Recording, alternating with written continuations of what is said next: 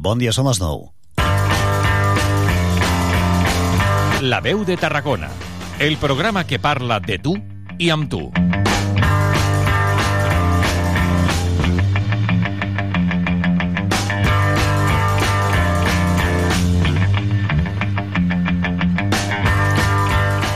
Què tal? Molt bon dia. Benvinguts, obrim a la veu. Avui que és eh, ja dimecres, avui 20 de desembre de 2023. I ja encetem el programa, malauradament, eh, doncs, eh, amb el condol a la família i amics de Federico Adán, el pediatre de Tarragona, que ha mort als 90 anys.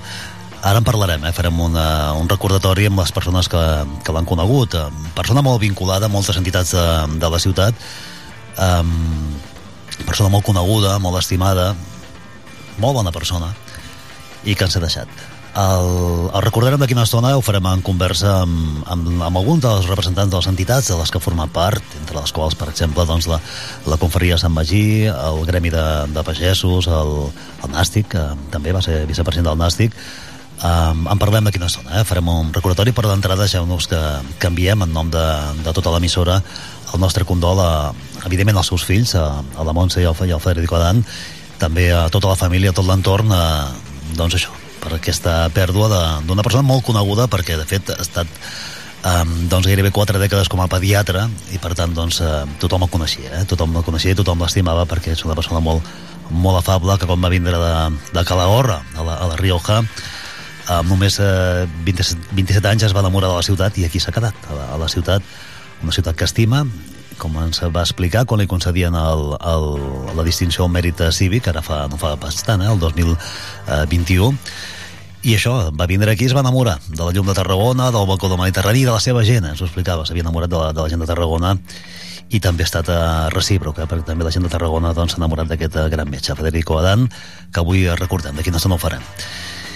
I avui també parlem d'altres temes uh, a nivell del, del programa, de la veu. Tenim alguns de programes que hem hagut de, de moure, de canviar, de, d'ubicació, però vaja, anirem fent uh, camí. Uh, parlarem de la Federació d'Autotransport de la, de la FEAT, que, que de fet ahir feien un crit al cel, parlaven de projecte faraònic referint-se al trencamp, deien que no és la solució, que hi ha, hi ha alternatives, per exemple, doncs, crear com una mena de vial per on puguin passar els autobusos d'hidrogen elèctrics, en parlem de, també al llarg del matí, ho farem amb el Josep Lluís Aimat, el director de, de la Federació d'Autotransport, de la FEAT, d'això i d'altres qüestions, també del tema del túnel de l'illa, que no poden passar camions en matèries perilloses que han de fer doncs, 44 quilòmetres eh, com a alternativa per poder doncs, fer el transport cap a l'Aragó o cap a Lleida parlant també de desdoblar la C14, en fi, en parlem amb ell, en Josep Lluís Aimat, a, a partir de, de les 10, la següent franja horària.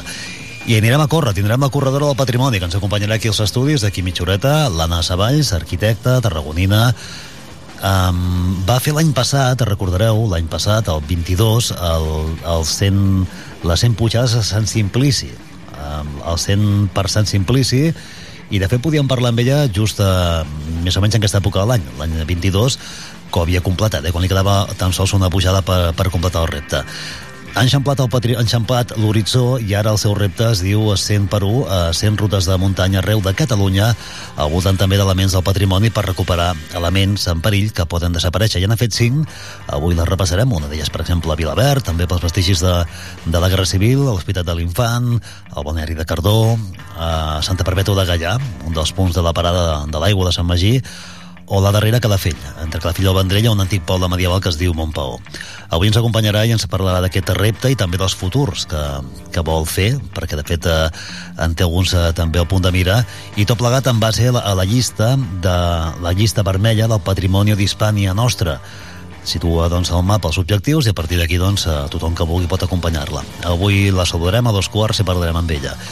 I a les 10 oferirem el darrer capítol del Blau de Prússia, el podcast que fem amb l'ICIC, l'Institut Català d'Investigació Química i Tarragona Ràdio, aquesta coproducció, segona temporada, i avui 15 i últim capítol d'enguany, en un capítol eh, que serà també un especial eh, nadalenc i on us explicarem la relació entre, entre els focs d'artifici i la química eh, i altres elements nadalencs doncs, també molt captivadors d'aquesta època de l'any i la química. Veureu doncs, que darrere, per exemple, dels flocs de neu també hi ha química o darrere d'això, de, de trons eh, i castells d'artifici doncs, també hi ha molta química.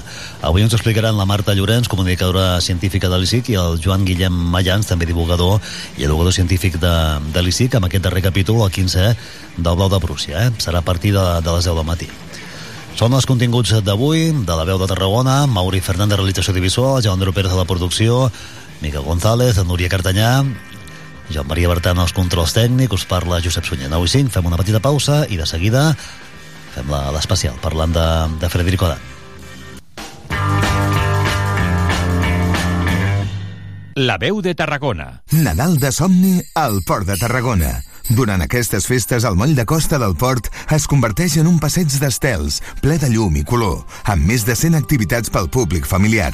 Aquest any amb mercat d'artesans i gastronomia quilòmetre zero, música, màgia, cir, tallers sostenibles i moltes coses més. T'esperem a la vora del mar fins al 6 de gener. Més informació al web porttarragona.cat. Queden moltes jornades, eh, espero veure el Nàstic dalt de, dalt de tot, aconseguint l'objectiu, més igual que sigui d'una manera o una, una altra. Serà difícil, però estic convençut que ho aconseguirem. El Nàstic iniciarà el 2024 amb ganes que sigui un any en què aconsegueixin els objectius marcats, com explica el capità de la plantilla, Joan Oriol. Dimecres 3 de gener a dos quarts de nou del vespre viurem la 18a jornada de Lliga al grup primer de la primera federació des del nou estadi Costa Daurada en el partit entre el Nàstic i la Unió Esportiva Cornellà. I com sempre, des de fa 31 temporades, t'ho explicarem tot des d'una hora abans a la sintonia de Tarragona Ràdio, el 96.7 i 101.0 d'FM al web i a les aplicacions mòbils. Escolta, ens participa el Joc de la Porra, comenta el partit a la xarxa X del Sempre Nàstic i al WhatsApp de Tarragona Ràdio. 31a temporada del Sempre Nàstic, viu el futbol, viu el Nàstic i viu els gols. Promociones José Luis. Ya disponibles viviendas de obra nueva en zona de Países Catalans. Para visitas y más información, llámenos al 680 42 17 11. En Tarragona, Promociones José Luis. Cocodril Club. Si t'agrada la bona música dels anys 60, 70 i 80, escolta Tarragona Ràdio les tardes de dissabtes i les de diumenges de 4 a 6. És el temps del Cocodril Club. Tot un clàssic de la ràdio, amb les bases del pop-rock, les llegendes, les cançons que s'han convertit en autèntics himnes. Recorda't, a Tarragona Ràdio 96.7 FM... Cocodril Club, el programa revival de l'Albert Malla. Hasta luego, cocodrilo. Pasaste de caimán. Hasta luego, cocodrilo. A Espar volem celebrar amb tu l'alegria d'aquestes festes oferint-te grans ofertes. Ho, ho, ho! Brinda amb cava Anna Codorniu Brut, Brut Nature o Rosé de 75 centilitres per tan sols 7 euros amb 99. Emporta't una paleta ibèrica d'enceballa Azuaga de 4 quilos amb 75 per tan sols 49 euros. Espar et desitja unes bones festes. Gràcies per escollir-nos. La veu de Tarragona.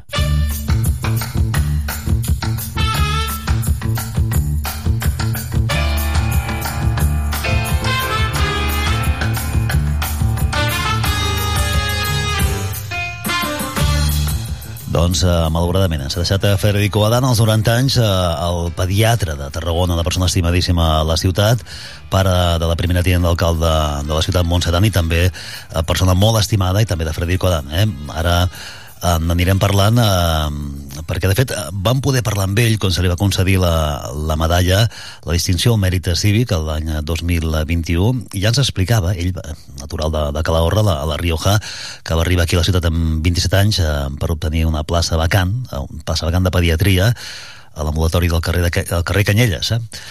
i el que havia de ser una feina d'uns doncs, d'uns pocs anys eh, es va convertir doncs, en una estada per, ta, per tota la vida, com ell mateix ens explicava, que en arribar a la ciutat eh, la ciutat va entrar dintre seu i es va enamorar i això va ser doncs, eh, una relació recíproca també doncs, eh, amb la ciutat eh, perquè ha format part de moltíssimes moltíssimes entitats.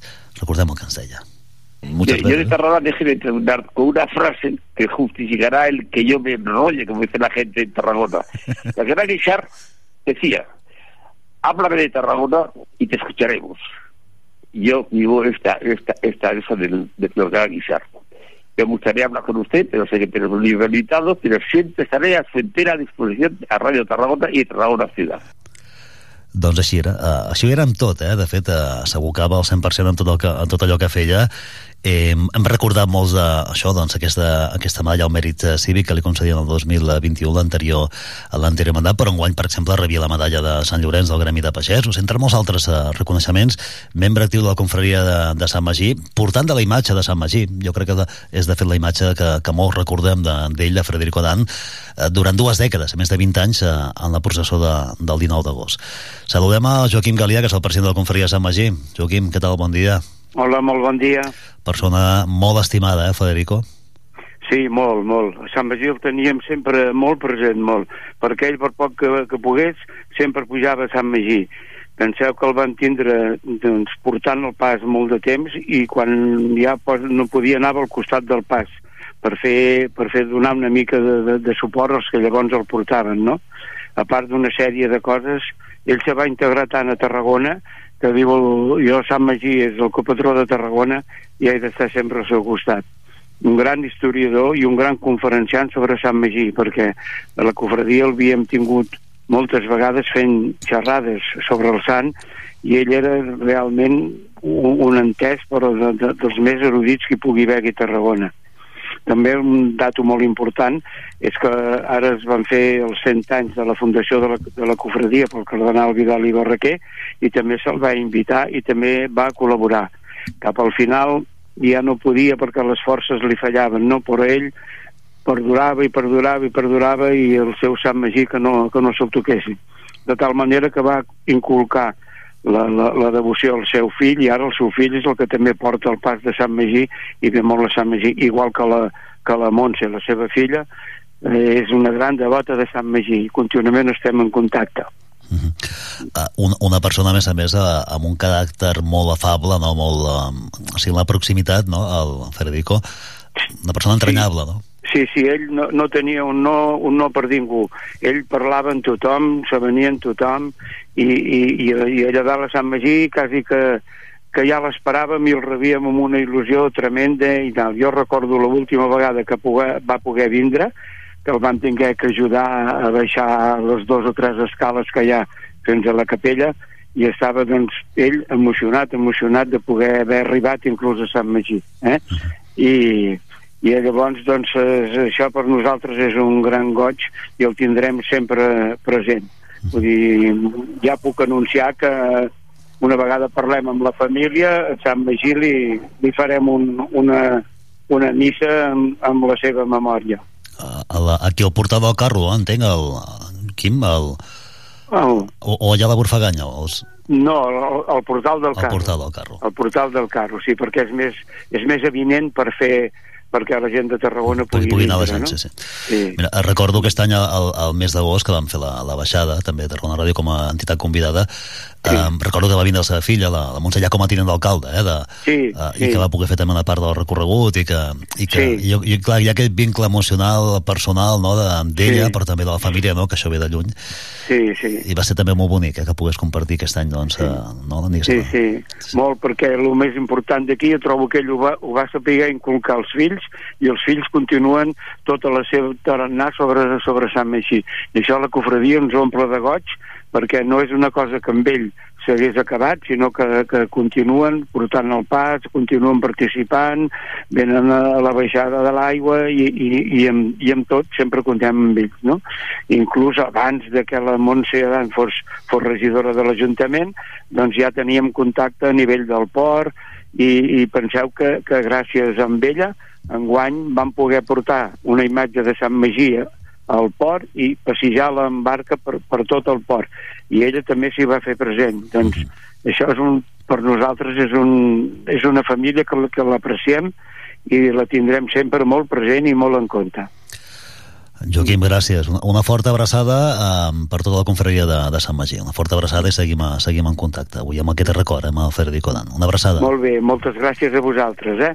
Vinga, fins aviat. adéu. El Josep Maria Joan, jo ho deia ara fa una estona també que el, el, li van concedir enguany, enguany el reconeixement, eh, la medalla de Sant Llorenç de, del Gremi de, de Pagesos, entre molts altres, eh, perquè ara parlaven també de, del Mèrit Cívic, Cívic l'any 2021, eh, aquesta malla del Gremi de, de Pagesos. Tenim el Josep Maria Joan, diria, el, en línia del, del Gremi. Josep Maria, què tal? Bon dia. Hola, bon dia. Bueno, Què tal? Bé, recordant, uh, recordant el Federico, uh, Federico Dan, eh, persona també del gremi, no? I a més en guany reconeguda, gran persona, no? molt gran persona, gran persona, gran amic meu, ens dèiem com a, bueno, hem sigut com a germans. Eh, jo estem a casa meva, estem tots molt consternats, tots. Els meus fills, la meva dona jo, tots. Perquè, clar, vull dir, jo el Fede el coneixo des de que recient arribat a Tarragona amb 27 anys que tenia que ja era pediatre. A, aparta, aparta't una mica, a, a Josep Maria, aparta't una mica del telèfon, de l'auricular, que si no et sentim val, les pes. Val, val. A veure, ara, ara millor, a veure. Ara millor, no? Ara millor, sí. Val, val. Digues, digues, de, digues, digues. deies que, bueno, que per ah, no. com un germà, sí. Que jo vaig conèixer el Fede recient arribat a Tarragona, que tenia 27 anys i era pediatre. Imagina't tu els anys que fa que es coneixem. I, i ens tractava com a germans. Ell me deia a mi que jo era su hermano pequeño i jo su hermano mayor. El, el, hem destacat, clar, els que, els que l'heu conegut eh, més a nivell personal, no? la, la seva, clar, nosaltres quan venia aquí a la ràdio era una alegria, perquè només entrava a la porta ja eh, era d'aquelles persones que omplien l'espai, eh? I clar, quan, et, quan et sí, tens una sí. mica així, no? És com sí. tenir una joia, no? Sí, a més a més era, era un diccionari, el Fede era un diccionari. De Tarragona en sabia un rato. Ell va ser el descobridor precisament de que el gremi dels pagesos que nosaltres teníem com a 1353 i jo una vegada es va comentar i li vaig dir Fede, a veure si me localitza i tal. I ell ens va descobrir que l'any de la creació del, del Gremi dels Pagesos bueno, documentat, que era el 1321 el tenim documentat des de llavors per tant, el, el, tot allò, tot allò on, on s'hi posava s'hi abocava el 200%, eh? com ens deia ara també el Quim Galiano de la confraria de, de Sant Magí um, sí, i, i, que, eh? i que ho donava tot no? Sí, hombre, i tant i, i el Gremi dels Pagesos, vull dir, des de que és soci, que fa un munt d'anys que és soci, ell i els seus nets, els fills de la Montse, també són, són socis del Gremi. Clar, recordes com va arribar amb els, els 27 anys, no? I a, a la, que llavors estava a l'ambulatori del, del carrer Canyelles, eh? que clar, això ha canviat molt, no? En 40 sí, anys. Sí, sí, sí. Sí, sí, el carrer Canyelles. Sí. No em vas a parar. Allí, bueno, jo vaig conèixer mm, a casa, a casa meva perquè a nivell particular eh, ja a mi em va portar de petit, em va portar ell. Vaig agafar un... devia tindre 10 o 12 anys i em vaig agafar un tifus amb una nefritis i em va portar ell. I, bueno, es va estar dos o tres dies que no parava de, de bellugar-se de casa meva. Per això dic que, que, que tenim una gran amistat de tota la vida. Jo coneix tota la família seva, tots, els seus pares, els, els germans, tots Josep Maria Joan, també una forta... Una, una gran pèrdua. Una gran pèrdua. Dic que el, el, el recordarem amb, amb tota aquesta estima, no? amb una persona doncs, moltíssima, molt estimada, eh? com dius tu, uh, tu vas ser pacient seu, però és que jo crec que mitja ciutat, no? O gairebé tota la ciutat no va passar per les seves mans. Sí, sí, sí. sí, sí. Josep Maria, una forta, una forta abraçada. I gràcies. Moltíssimes gràcies. Vale, bon dia. I mira, eh, recordaven també eh, clar, la seva vinculació amb entitats, entitats eh, culturals eh, tradicionals de, de la ciutat, però també esportives, perquè això clar, va ser vicepresident del Nàstic en dues, en dues etapes, almenys jo dic de memòria, però ens ho confirmarà l'actual eh, president del Nàstic de la sala, el Josep, el Josep Maria Andreu, que també el tenim al telèfon. Josep Maria, bon dia. Hola, molt bon dia. Bueno, gran, gran persona, sobretot, no? Federico. Eh, sí, també. Clar. Va ser director del Nàstic, va arribar a ser vicepresident, va ser també el pediatre dels nostres fills, no? Era un gran estudiant, no? Ell sempre, en els moments bons i moments no tan bons, sempre jo rebia, rebia la seva trucada d'ànims i de suport, no? Bé, en definitiva, el doctor Dan era molt bona persona i des d'aquí li vull, vull enviar una molt forta abraçada per tota la seva família. Uh -huh. Clar, jo ara pensava, no, no sé si, si el Nàstic va jugar mai contra el Calahorra, però si va jugar de veritat el quart partit, no? Jo Sí, vam jugar fa, crec que fa dues temporades, no? I, i recordo que ell va estar amb nosaltres a, a la llotja, aquí partit, no? Perquè li feia molta gràcia eh, i també, bueno, ell era, tenia el cor partit però volia que guanyés el Nàstic, no me'n recordo perfectament de, del dia de, que vam estar junts a, al palco del Nàstic, no? Eh, és, és admirable i ho comentava ara també amb, amb el Quim Galià i amb el Josep Maria Juan no? que una persona que arriba a una ciutat que no és la seva, no? Clar, arriba a una ciutat i que, i que s'enamora ja el primer dia de, de, de la ciutat no? de, i de la gent i es queda aquí, sí. i es queda aquí però sí, no només es queda aquí, sinó s'involucra amb tot el que pot, no? Sí, ell participava en moltíssimes activitats a la nostra ciutat, era un tarragoní extraordinari, bé, per la seva feina, com era doctor, doncs sempre anava pel carrer, no?, vi- visitant a, els, els nens de Tarragona. Jo crec que la majoria dels nens van ser sempre els seus pacients, no?, i realment, com te deia abans, una persona extraordinària, una persona que es feia estimar i a la que jo li tenia molt de pressa i molt de carinyo. Uh, té, té també uh, el, el Frederic una, una vessant uh, solidària i crec que també va tindre a part uh, en aquesta història quan va, va, va organitzar aquell, aquell uh, aquell acte solidari que també estava involucrat al Nàstic, al TBT, no? No sé si era, recordo, eh, en favor de l'UNICEF, si no recordo malament, no? Sí, si recordes, sí, sí, sí, és es va ser en favor de l'UNICEF, ell va ser el que va organitzar un partit de bàsquet entre el Nàstic i el CBT i també van jugar a futbol i ell era l'ànima de, de, de l'organització d'aquest event, no? Realment amb ell sempre passaven coses bones, no? La veritat és que amb ell sempre passaven coses bones, sempre, sempre, sempre.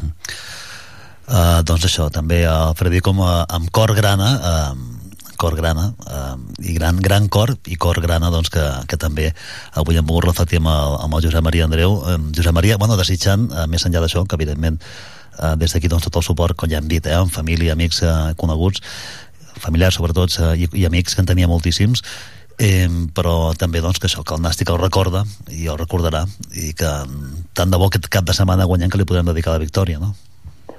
Sí, home, jo crec que les victòries tenen que ser per ella ara en aquest moment, no? perquè realment ella, com te deia, no? era un bon nastiquer, sempre patia pel nastiquer, jo havia rebut moltíssimes trucades seves, no? sobretot quan les coses no anaven gaire bé, no? perquè quan les coses van bé doncs és fàcil, no?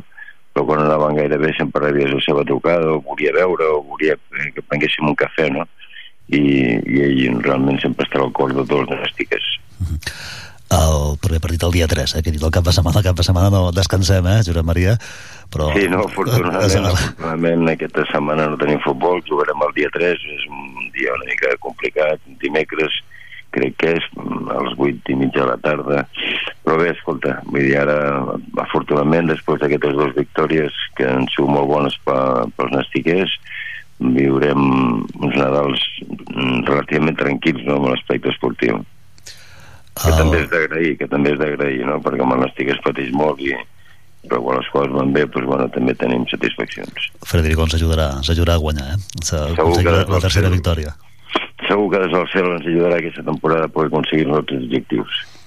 Josep Maria, una forta abraçada, bones festes eh, i que, que bueno, gràcies també per, per participar en aquest record de- tan entranyable amb el, amb el Federico Dan. Una abraçada. Enca una abraçada, encantat d'estar amb vosaltres. Visca el Nàstic, visca Tarragona i visca el Fede. Vinga. L'alcalde l'alcalde de Tarragona, eh, Rubén Vinyuales, que també eh, anem tancant ja, tanquem la ronda amb ell, eh, amb l'alcalde. Alcalde, bon dia. Bon dia. Um, trist, per, imagino clar, aquí per diferents, diferents qüestions per ell, uh, pel Federico, un gran persona, i també per la, per la companya de, de consistori, per la Montse i tota la família, en definitiva, no? Sí, pues, el Federico era una gran persona, a més un home amb un sentit de l'humor meravellós uh, i a part, no, ja sap, qualsevol persona que ens escolti ja sap que hi havia les pediatres, no? el doctor Aguilar i ell i, i bueno, són part de la nostra vida des de la nostra infantesa i, i òbviament a nosaltres ens toca encara més de prop per ser el pare de la, de la Montse no? uh, ahir quan la Montse m'ho comunicava jo li deia que el millor llegat no, que podem deixar als pares són els nostres fills i filles i que mm, gran part de tot el bo que tenia el seu pare viu en ella no? Mm, paraules de d'escalf per tota la família tot i que és molt complicat i no mai ha paraules suficients per una situació com aquesta però l'únic que podem dir és que deixa una empremta inolvidable eh, aquí a casa nostra, a la ciutat i, i que espero que li puguem fer honor no? al seu record i doncs, personalment doncs, a la Montse que és la, la persona amb la que treballem la meva amiga, la, la meva companya de feina és, és estar al seu costat i ajudar-la no? en aquest moment tan difícil gran part del que tenia el pare viu en ella, quina frase més, uh, més bonica per recordar doncs, això, que, que al final uh, la gent se'n va però no, acaba, no acaba de marxar mai, és a dir, que viu, viuen amb nosaltres. Doncs sí, mentre ens recordin existim, no? Deien. Uh, només cal mirar la, la Montse, el Fede, els seus nets, uh, i veus que que continuarà no? entre nosaltres d'una altra manera, però aquestes paraules amb el temps es van comprenent, però el dia que passa aquesta desgràcia no, no hi ha paraules de, de consol, no? però ja et dic, el que hem de fer és tenir, recordar tot el bo tenia Federico, que és, és moltíssim, de veritat, era un home meravellós i jo personalment li haig d'agrair la, la filla que va portar no? a aquest món. Uh, dèiem, eh, i, qui més qui menys ha passat, uh, ha passat per les seves mans uh, ja ho ha dit vostè, doncs, dos, pediat, dos pediatres uh, a nivell de ciutat molt, molt coneguts, uh, sí. ells clar, 40 anys de trajectòria, més de 40 anys clar, evidentment, ara ens estarà sentint moltíssima gent doncs, que, que recordarà de passar per la consulta de, del doctor Dan. El doctor, sí, òbviament. Sí, sí. sí, sí, sí. Bueno, jo, jo, per exemple, jo era el doctor Aguilar, no? Del, era, del, era, era els dos, no? Però, clar, eren... Bueno, és que Federico, ja et dic, és part de la vida d'aquesta ciutat de, de tots perquè clar, eh, digue'm tu no, quin moment, no? com a pare com a mare quan tens un, un fill malalt imagina el que es pateix no? I, i que el, el doctor Adam no, et doni aquesta solució doncs imagina el que pots arribar a sentir i com a nen o nena doncs passar per les seves mans no? I sempre amb, amb aquesta, aquest somriure no? I, i aquesta forma de tractar-nos a tots que, que, bueno, que fa que per això l'estima tanta gent tu veies el, el doctor pel carrer i era, era pitjor que ser alcalde, eh? Sí, sí. Tu podia fer dos passes sense que algú l'aturés. I quan la gent te recorda de manera tan entranyable i amb tant de carinyo, eh, és el millor, no?, que pots, eh, que pots desitjar, no?, quan no hi ets, que et recordin així, amb un somriure uh, estava, um, estava clar, recordava el, el, el, les entrevistes quan venia aquí a la, a la ràdio o, o quan te'l trobaves en algun acte eh, que era d'aquelles persones que, que es feien notar perquè es feien notar, es feien notar tenia aquell caràcter tan afable, tan amable, tan simpàtic no? Sí, sí, sí. i això ho deien també, això ho deien d'un altre Federico, Federico García Lorca que deien que quan entrava a un lloc, a una sala um, de seguida es notava que ell era perquè impregnava la, impregnava la sala de la seva essència, no? la seva manera de ser de la seva, del seu caràcter, no? I això el, sí. el doctor Federico Dan també ho tenia, no? És a dir, quan entrava a un lloc es notava que hi era. Això senyor, hi ha, hi ha una pel·lícula, El, el color del dinero, de Paul Newman i Tom Cruise, no? Que Paul Newman, una de les escenes, li està explicant que hi ha dos tipus de persones, no? Les que quan entren a una habitació ningú gira a mirar-les, i les que quan entren tothom no gira a mirar-les, no? Doncs el doctor Adam era, era d'aquestes segones, no? Uh, bueno, persones especials molt especials i que per això ara mateix estem parlant d'ell i per això tanta gent avui està, està trista i per això també a la vegada tanta gent li vol donar carinyo a tota la família no? així que bueno eh, és la millor manera que tenim de, de, bueno, de rendir un homenatge no? a aquesta gran persona Uh, alcalde, uh, aprofito la, la vinentesa perquè estem a punt de tancar l'any uh, el 23 faig un, aquí una, un parèntesi però quan passen coses com, com, com se'n va algú estimat, uh, al final uh, les coses diguem que relativitzen molt, no? i penses en les coses importants de la vida, aquelles que no ho són tants i les que no ho són gens. Um, per tant, poder estar amb la gent estimada és un bon desig si mirem de cara al 24, no? amb la gent que estimes, amb la gent que tens al voltant, en fi... És l'únic què, li sí, què li demanaria al 24? És, és, és que és l'únic desig que val la pena. Demanar la salut de, dels teus i la resta no, no cal ni desitjar-ho. L'únic desig per mi eh, bo és que la gent que estimes tingui salut i la resta ja és qüestió de, del teu esforç.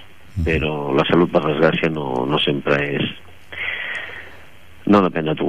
Així que el 2024 salut per tots els tarragonins i tarragonines eh, que la gent que estimem eh, estem també el 25, el 26 i el 27 i si passa una desgràcia com aquesta doncs intentar doncs, bueno, recordar-los no? Uh, i viure de la millor manera que és intentant fer el bé i no fer, no, fer el mal no? a ningú i, i sempre intentar doncs això, no? ser cada dia una miqueta millors persones Gràcies a alcalde Rubén Vinyuales, una forta abraçada a Montse ja l'hem enviat a, a través de, de l'antena, però ho, ho reiterem perquè probable que la veixi vostè abans que, que nosaltres.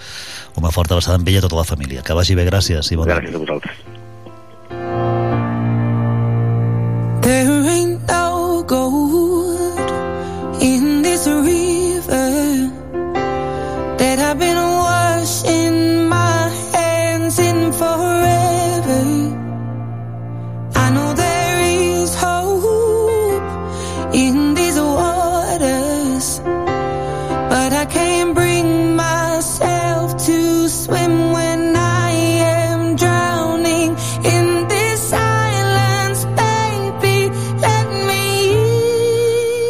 Doncs això, amb eh, perspectiva Yuritsu, eh, mirant el 24 i avui doncs eh, acomiadant a Federico, Federico Adan, el pediatre de, de Tarragona, que ens deixava els 90 anys i des d'aquí doncs tornem a enviar tot l'escalfa a la Montse Dan, al Federico Adan, els, els dos fills, a la família, els nets, a la dona, evidentment el, els consoldres, a tota la família, els, els eh, que foren part doncs, d'aquesta gran família i que, i que des d'aquí doncs, també eh, volem enviar el nostre més sentit condol d'una persona que era molt bona persona, que és molt bona persona i que recordarem així, doncs, amb tota aquesta afabilitat i amb aquesta proximitat que, que recordaven alguns dels convidats que han passat pel programa.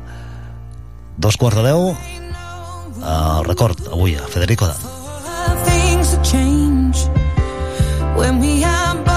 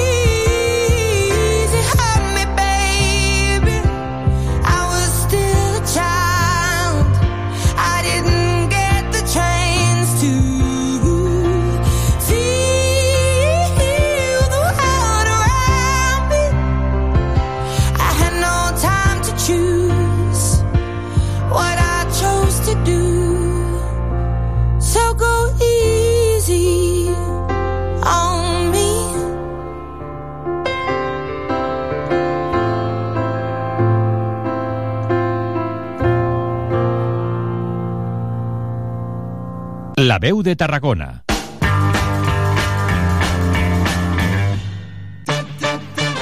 A Tarragona, totes les activitats de joventut al teu mòbil. Hub Jove. Encara no la coneixes?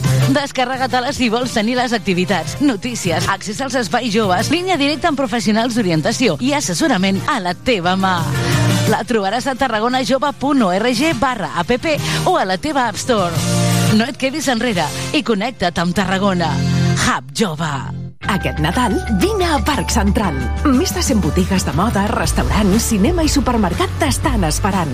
Ai, no ho saps encara? Tenim el tió de Nadal més gran de Tarragona. Viu el Nadal en família a Parc Central. Recorda que obrim diumenges i festius. Pots consultar el nostre horari a la web de Parc Central, el centre comercial de Tarragona. A Tarragona, viatge gratis per fer les teves compres nadalenques amb el Bus Comerç.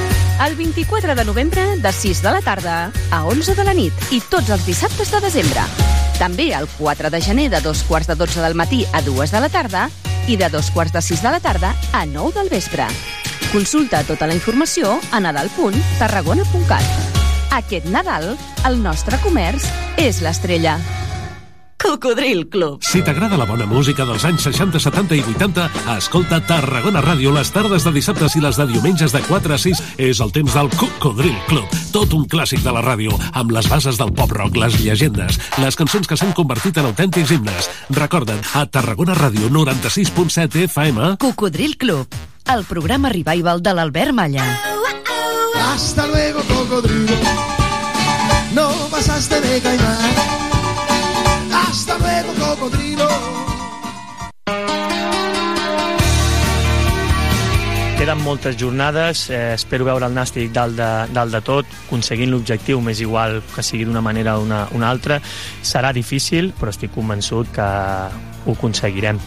El Nàstic iniciarà el 2024 amb ganes que sigui un any en què aconsegueixin els objectius marcats, com explica el capità de la plantilla, Joan Oriol. Dimecres 3 de gener a dos quarts de nou del vespre viurem la 18a jornada de Lliga al grup primer de la primera federació des del nou estadi Costa Daurada en el partit entre el Nàstic i la Unió Esportiva Cornellà. I com sempre, des de fa 31 temporades, t'ho explicarem tot des d'una hora abans a la sintonia de Tarragona Ràdio, el 96.7 i 101.0 d'FM, al web i a les aplicacions mòbils. Escolta'ns, participa al Joc de la Porra, comenta el partit a la xarxa X del Sempre Nàstic i al WhatsApp de Tarragona Ràdio. 31a temporada del Sempre Nàstic, viu el futbol, viu el Nàstic i viu els gols. Quan pensem en màgia, ens imaginem endevinant què hi ha dins d'un barret. Però hi ha una màgia que no té truc. És la màgia de compartir una estona amb algú i parlar-hi. Vols practicar el català o ajudar algú a parlar-lo?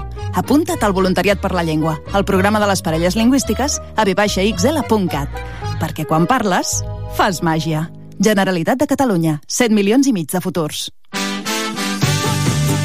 A Tarragona Ràdio som 40.000 oients. Anuncia't a la ràdio local líder en l'actualitat, entreteniment i informació tarragonina. Contacta amb nosaltres al 977 24 53 64 de 9 a 2 al migdia o escriu-nos a publicitat arroba e emmct.cat perquè a Tarragona Ràdio t'escoltem.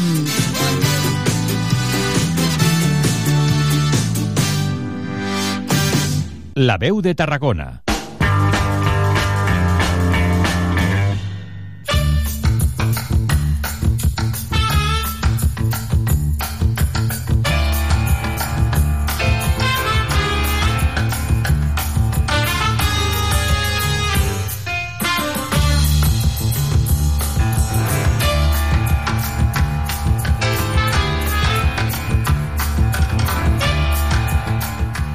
I seguim a la veu i ara parlem eh, amb l'arquitecta tarragonina Anna, Anna Savalls, eh, coneguda com la corredora pel patrimoni, que tanca aquest any, el 2023, amb nous reptes ja assolits en el projecte solidari 100 per 1.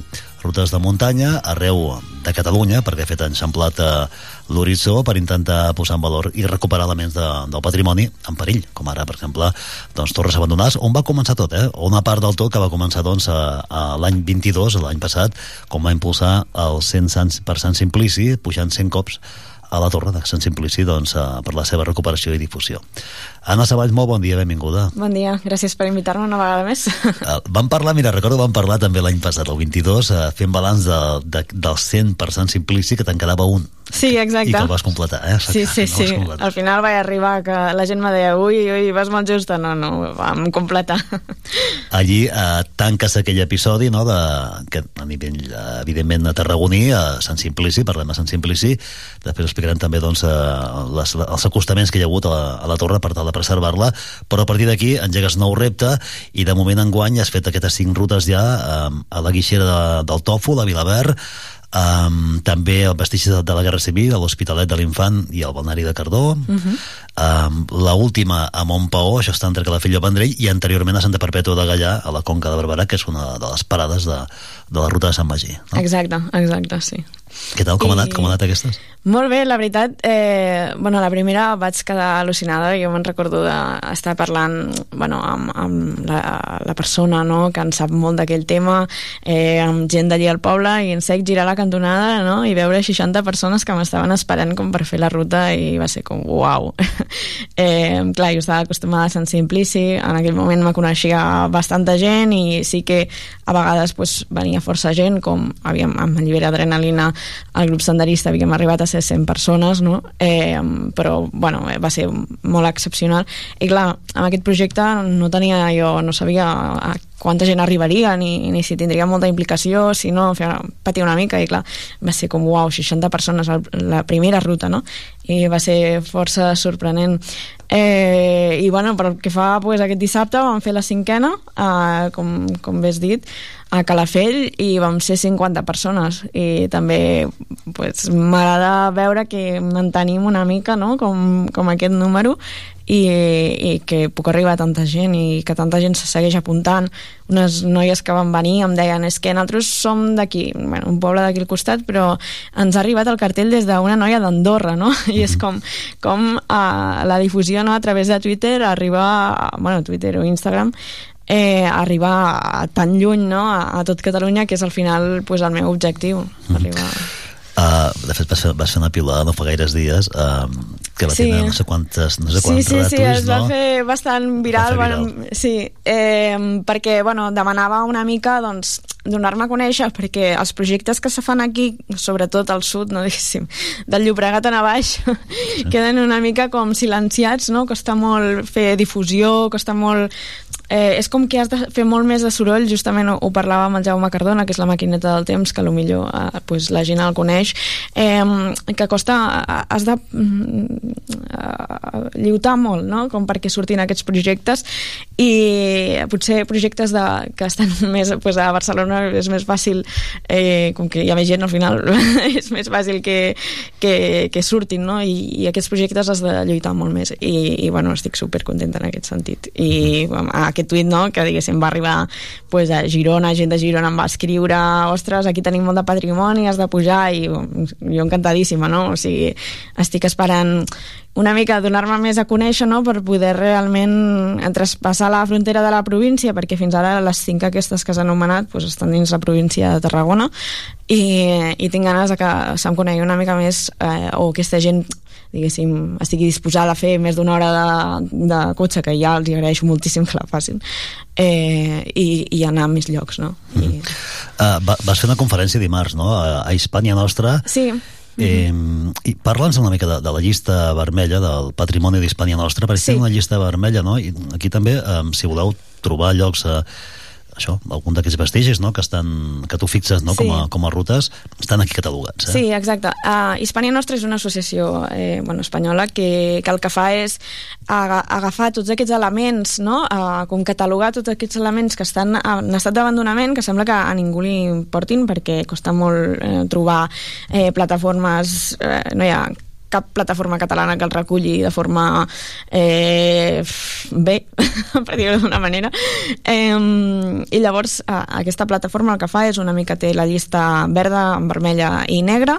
Eh, la vermella doncs, recull aquests elements que estan com els que busco jo en estat d'abandonament. Verda és si ja s'han aconseguit eh, recuperar i negra és quan ja estan totalment abandonats que ja no s'hi pot fer res, tipus eh, han fet un supermercat a sobre.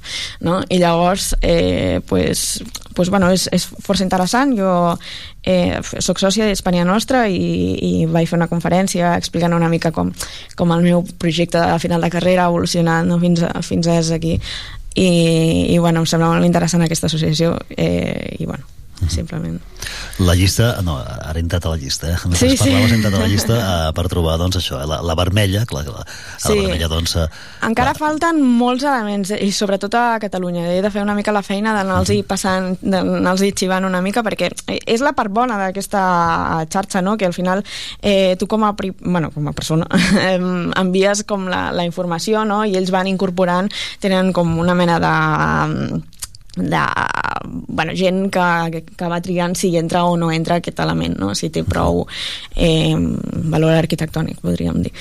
Eh, i, i bueno, em sembla molt interessant eh, el fet de que tu puguis anar incorporant a Catalunya crec que n'hi havia molts menys i tenien una mica de problema en, en entrar a Catalunya perquè clar, bueno, jo els hi deia és que amb el nom Hispània Nostra costa una mica 27, a Catalunya 27. però exacte, exacte i, i, però bueno Perdó, perdó, simplement... 4 a les illes. Qu Ah, qu vale. 4 a les illes, 27 a Catalunya, eh, 4 a les illes, ho dic perquè veig ara el mapa, eh, però és que clar, Sí. sí. allà, a nivell de l'Estat n'hi ha, doncs, no sé, 224 a, a, a una altra comunitat, Aragó, Sí, eh, 148 a, a, això diria que és València, diria. sí, sí N'hi ha per tot, per tot l'Estat. Eh? Exacte. I fins ara tampoc no tenien representant a Catalunya i eh, quedava com a més coix i, i des d'aquí, bueno, tot aquest moviment també una mica eh, que, que, que realment estan fent, intentant moure no? aquest patrimoni per Catalunya que va molt bé això. Mira, surt la tabacalera a Tarragona, veig. Sí, sí, llista. sí, exacte. Tarragona I crec que la Sabinosa també. Sí, a veure, Em la, sembla. La, la busco, la busco. Sí, sí. També, també. El parlamentari Sí, de la sí, Sabina sí. També, també figura. Eh? Sí, sí, això és feina del Jaume Cardona també, em sembla. bueno, molts d'ells.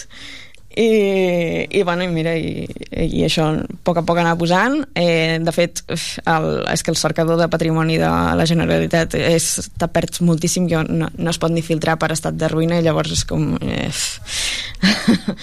jo, per mi que he de fer la feina no? perquè al final he de fer la feina de buscar aquests elements que, que estan en mal estat, que tenen valor arquitectònic que eh, poden tenir eh, aquesta vinculació amb la muntanya per tant se poden fer una ruta, se poden rehabilitar tot això, clar, jo he de fer una feina com de formigueta, no? D'anar buscant diverses pàgines webs que recullen pobles abandonats eh, eh, castells, torres medievals eh, diferents webs que al final pues, acabo trobant aquest element que... Eh, On està, diries, Anna, la, la complexitat de, de poder, doncs, eh, almenys eh, d'entrada fer l'avís, eh, de fer l'avís vol dir eh, um, donar a conèixer no? eh, el, el, el patrimoni en qüestió, però després, clar, amb, alguns són de titularitat pública, altres privada. Mhm. Veig que, clar, vas estar al balneari de Cardó, que bueno, estan mans privades, Sí. eh, un grup que, sí. i està, està, delimitat amb tanques, eh? Sí, I, exacte. I està que cau literalment. Eh? Sí, I és sí. un megacomplex que va ser, eh, bueno, va tindre el seu moment d'esplendor, no?, com a balneari, Exacte. que anava gent d'arreu, eh, allí, Sí, sí, està que sí, cau, sí. cau a trossos, eh? Sí, això és un tema del balneari de Cardó també perquè eh, bueno, la persona justament que està impulsant el, el projecte Reneix Cardó eh, és un projecte que vol donar-li visibilitat perquè algun altre propietari el compri no? i en faci el, posi els diners i clar, ell, aquesta persona en, en, defensa una mica com la creació d'un altre balneari i jo repeteixo mil vegades que no, no s'ha de fer un, ara un resort en aquell espai o no s'ha Ara de parles com a arquitecte, eh? Sí, ara parlo com a arquitecte totalment perquè a mi m'espanta una mica dir no, no, no ho estem recuperant per tornar a fer ara un hard rock allí eh, estem recuperant per simplement consolidar, donar-li valor i potser fer-li una mínima intervenció com pot ser, pues, allí hi ha una carretera que es fa molta bicicleta, pues, jo sé, poses una paradeta amb bicis de lloguer, a vegades és tan, tan senzill no? o tan minimalista com fer una mínima intervenció i realment pues, consolidar el que ens interessa d'aquell espai no? I, i tot l'entorn, que al final per això estic defensant aquest tipus de patrimoni perquè està vinculat a la muntanya i al final no és només aquell element arquitectònic que pot tenir um, molt de valor o, o poc, no? sinó és, és tot l'entorn de muntanya que justament a Cardó, per exemple, hi ha 14 ermites no? per, tota, per tota la vall de Cardó i és la zona amb més, amb més densitat d'ermites no? uh, per, i, i, i clar, tu vas per les ermites eh, i, i, i és com tota l'experiència no? és, de cada ermita veus el balneari de Cardó que era on hi havia com la, la, la base no? eh, de quan hi havia els ermitans i tot i està murallat i és com tot el, tot el conjunt arquitectònic que al final és, és la gràcia A Vilaverd, la primera de les parades d'aquest any, eh, parlem de la guixera de, del Tòfol, que és uh, única a nivell de, no sé si de l'Estat o no, però Sí, de l'Estat, de l'Estat, que sí. conserva encara tota la maquinària, la maquinària no? uh -huh. Uh, efectivament allí uh, de fet hi havia un noi que, que just uh, havia acabat la carrera i havia fet el projecte sobre això no? i és com l'expert una mica que ens ha guiat um, és un noi que és d'allí de Vilaverd que s'ho coneix moltíssim no? I, i ell m'explicava doncs, que clar, tots els forns i tot al final és privat i és el problema que tenim en molts casos no? que, que és privat i llavors eh, si la persona, clar, en aquest cas és la família Robuster que, que clar, ells no, no tenen la capacitat econòmica per poder eh, arreglar, no? I llavors ara estaven valorant fer una donació de la guixera a l'Ajuntament i que l'Ajuntament amb els recursos que, que pugui demanar a la Generalitat, si Patrimoni pues, decideix eh, fer un pas endavant, pues, que realment eh, se pugui recuperar. O sigui, en realitat, Vilaverd, amb la guixera del Tòfol, eh, crec que està bastant encaminat i crec que, que en podrem treure alguna cosa d'aquest projecte no? i de tot aquest moviment. Sant Simplici eh, és una altra història, no? Sant Simplici és una, altra, és una altra història, sí. Sembla que sigui com la Sagrada Família de Tarragona. eh, no sé, se l'estima to tothom molt, però ningú vol posar ni un euro. És una mica allò. Eh, ara, bueno, Junts eh, va, ho va treure els pressupostos, no?, la, la, la recuperació de la Torre de Sant Simplici. Sembla que, sembla que sí, eh, sembla que s'estigui fent alguna cosa i que vagi a bon port. Eh, però bueno, aquestes coses, fins que no les veus fetes, no hi creus, no?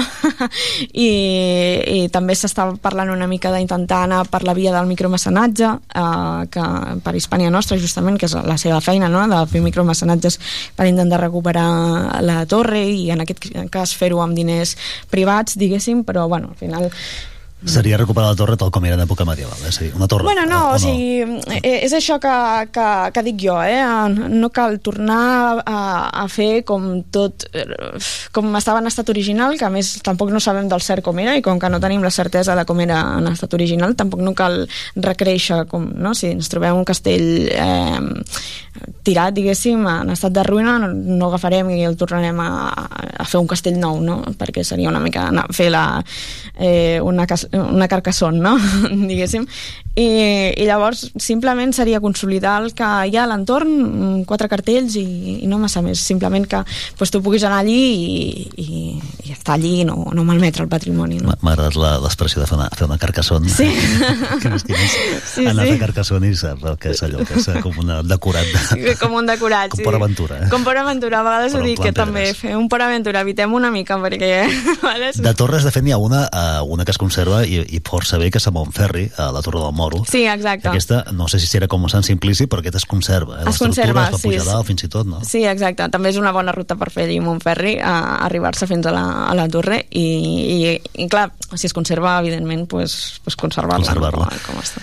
Eh, I l'any que ve què? Uh, 24 L'any que, ve, l'any que ve seguirem amb aquest repte. Eh, ja he començat a parlar amb bastanta gent eh, d'intentar fer doncs, eh, diferents rutes, no? I, i el que m'agrada més o tinc més ganes és que d'aquí 10 rutes eh, farem una trobada a Tarragona eh, amb tots els experts de tot, de tot Catalunya d'aquestes 10 primeres rutes no? i intentarem fer un balanç i posar una mica en valor eh, tota la feina que s'ha fet, pues, imagino en dos anys serà, eh, i, i bueno, una mica com al final en aquestes rutes conec amb molta gent i em poso en contacte amb molta gent que, que són arqueòlegs, historiadors eh, arquitectes, inclús metges que en saben molt, que dius no té cap res a veure, però al final els hi deia és que hem de fer com un consell de savis del sud i intentar com arreglar el patrimoni de Catalunya que, que està a les nostres mans perquè sembla que l'administració a vegades costa una mica.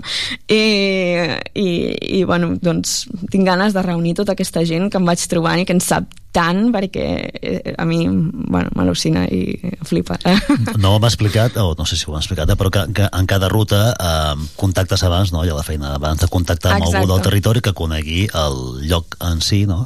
Exacte, I aquesta persona contactar- s'acompanya a la ruta, eh? Exacte. Abans l'equip boquinari, evidentment, obert a tothom, no?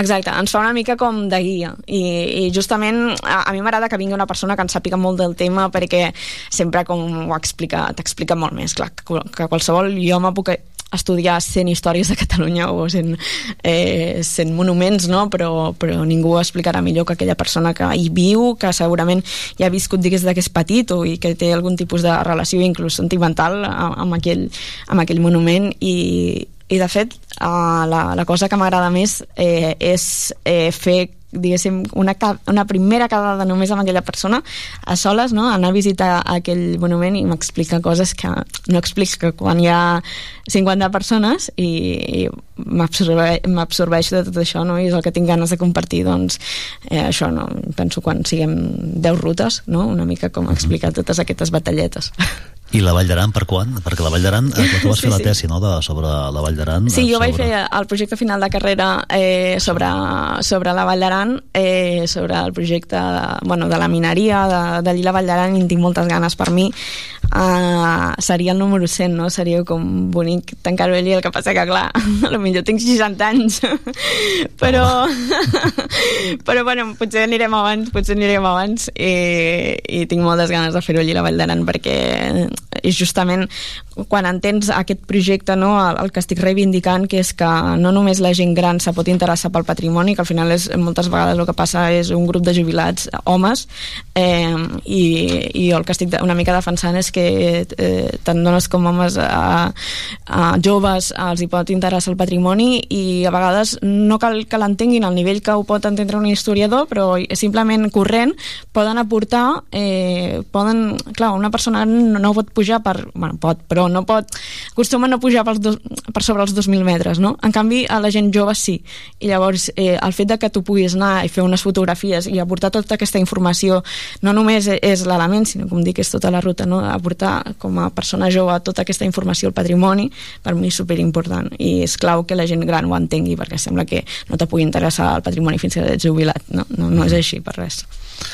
El, per cert, el, la ruta de la Vall d'Aran seria cap a la zona de Bossot, eh? tocant De- a França, de no? Bosó, sí, exacte. Eh? En- Terra, terradossos, eh? per allà, Mossos. Sí, sí, ja una vegada vaig, vaig pujar i, i em va semblar sentir unos... Els veuen, els veuen, no, no, sí, es veuen que a l'altra banda hi ha el parc aquell de, de l'Aran, Sí, no? que exacte. a l'altre costat hi ha, hi ha molt... Sí, sí, sí. Allí, sí, millor no, no aneu quan s'està fent fosc, que, que us passarà com a mi, que us cagareu. El 24, Anna, quina és la primera que faràs el 24? Perquè vulgui ja, si ja ho tens en ment i calendaritzada o encara no? Bueno, encara, encara no, està allí. Eh, una que sé que faré segur és a l'Hospital de Cabrils, la mútua metal·lúrgica eh, que, que la va fer eh, l'arquitecte Bonet, Antoni Bonet eh, i Castellana eh, i és, és una passada s'ha de pulseres vermelles allí i està completament abandonada és una pena eh, m'ho hauré de mirar bé perquè no sé si està tancada l'accés bueno, en aquests llocs abandonats i més quan no són eh, castells i històries pues, costa una mica més però bueno, serà trobar la persona eh, i, i bueno, passar per tota la serra de, de Cabrils no? que envolta una mica com el poble tota la muntanya per sobre en tinc moltes ganes, d'aquella en tinc moltes ganes Uh, qui ens estigui sentint i vulgui apuntar-se a alguna de les rutes, no sempre aneu corrents, eh? És a dir, que Sí, sempre- caminant, corrent, qui vulgui córrer Exacte. pot córrer, no? Però qui camina, camina. Eh? Exacte, sí, sempre és caminant, intento, en aquesta última vam fer una, una fàcil i una difícil i, i va ser com, bueno, ens vam trobar al final al lloc, no?, i la tornada va ser conjunta i bueno, sempre intento que sigui caminant perquè, perquè al final el món de córrer uf, m'ha quedat una mica... Ho vam intentar la primera, però era una mica eh, difícil lligar-ho, no? De, de- de poder venir corrent o fer un, un reconeixement corrent. Al final és com corres, pares, corres, és una mica més complicat. Xino Xano, eh? Sí, sí, és xino, xano. Doncs, Anna, escolta, uh, 5 de moment aquest 23, uh, esperem que l'any que ve, doncs, de, de cara, o sigui, escurcem de cara a la 100, Sí. no? que no, no t'hagis de jubilar, que puguis fer-la abans de jubilar-te. Em posaré el A veure, turbo. Uh, sí, sí, no? És a dir, l'any que ve almenys, almenys 10. Sí, no? sí, sí, almenys... Bueno, també dic... Toca fusta, toca fusta. Sí, sí. També dic que, que el que vaig buscar amb aquest tuit justament era una mica de patrocini o algun tipus de- d'empresa de, que, que faci a- alguna mínima aportació perquè jo cada viatge és gasolina i clar, són diners que poso és que no hi guanyo res, ni un euro de- d'això no, no recullo, ni quan faig la ruta no recullo diners, ni res, i llavors és com eh, són diners que perdo amb aquest projecte i, i m'agradaria pues, que que és alguna col·laboració o alguna donació o, o alguna cosa Patrocinador, vols un patrocinador? patrocinador, exacte A- Alerta, que esteu sentint la, la, la jugada, perquè, de fet, té, té, molts seguidors, en tindràs més, perquè sí, sí. van, van creixendo, eh? Van creixent això, sí, sí I és el patrimoni, eh? per tant, si entre les vostres, eh, el vostre ADN està això, doncs, eh, la preservació del patrimoni, la natura, perquè això és lligar natura i patrimoni, sí. no? Sí, exacte. I esport. I esport. L'esport l'hauríem de prescriure als metges, eh? que aviat, això, Sí. aviat ho veurem, això. Espero, espero que ho facin aviat. Perquè... Doncs ja ho sabeu, patrocinadors, eh, ens truqueu i us posem en contacte amb la- amb l'Anna Savalls. Mhm. Anna, bon any, Bon any, igualment. i que ja et dic, eh, l'any que ve que en vinguin moltes més. Gràcies. Això mateix.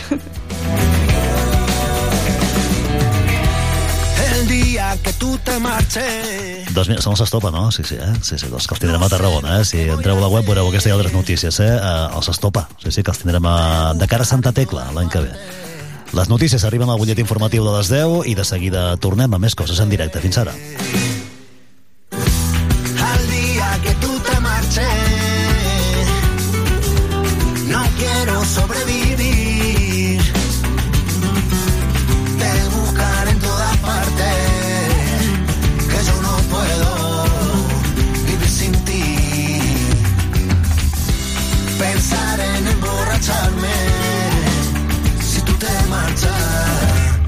Voy morir.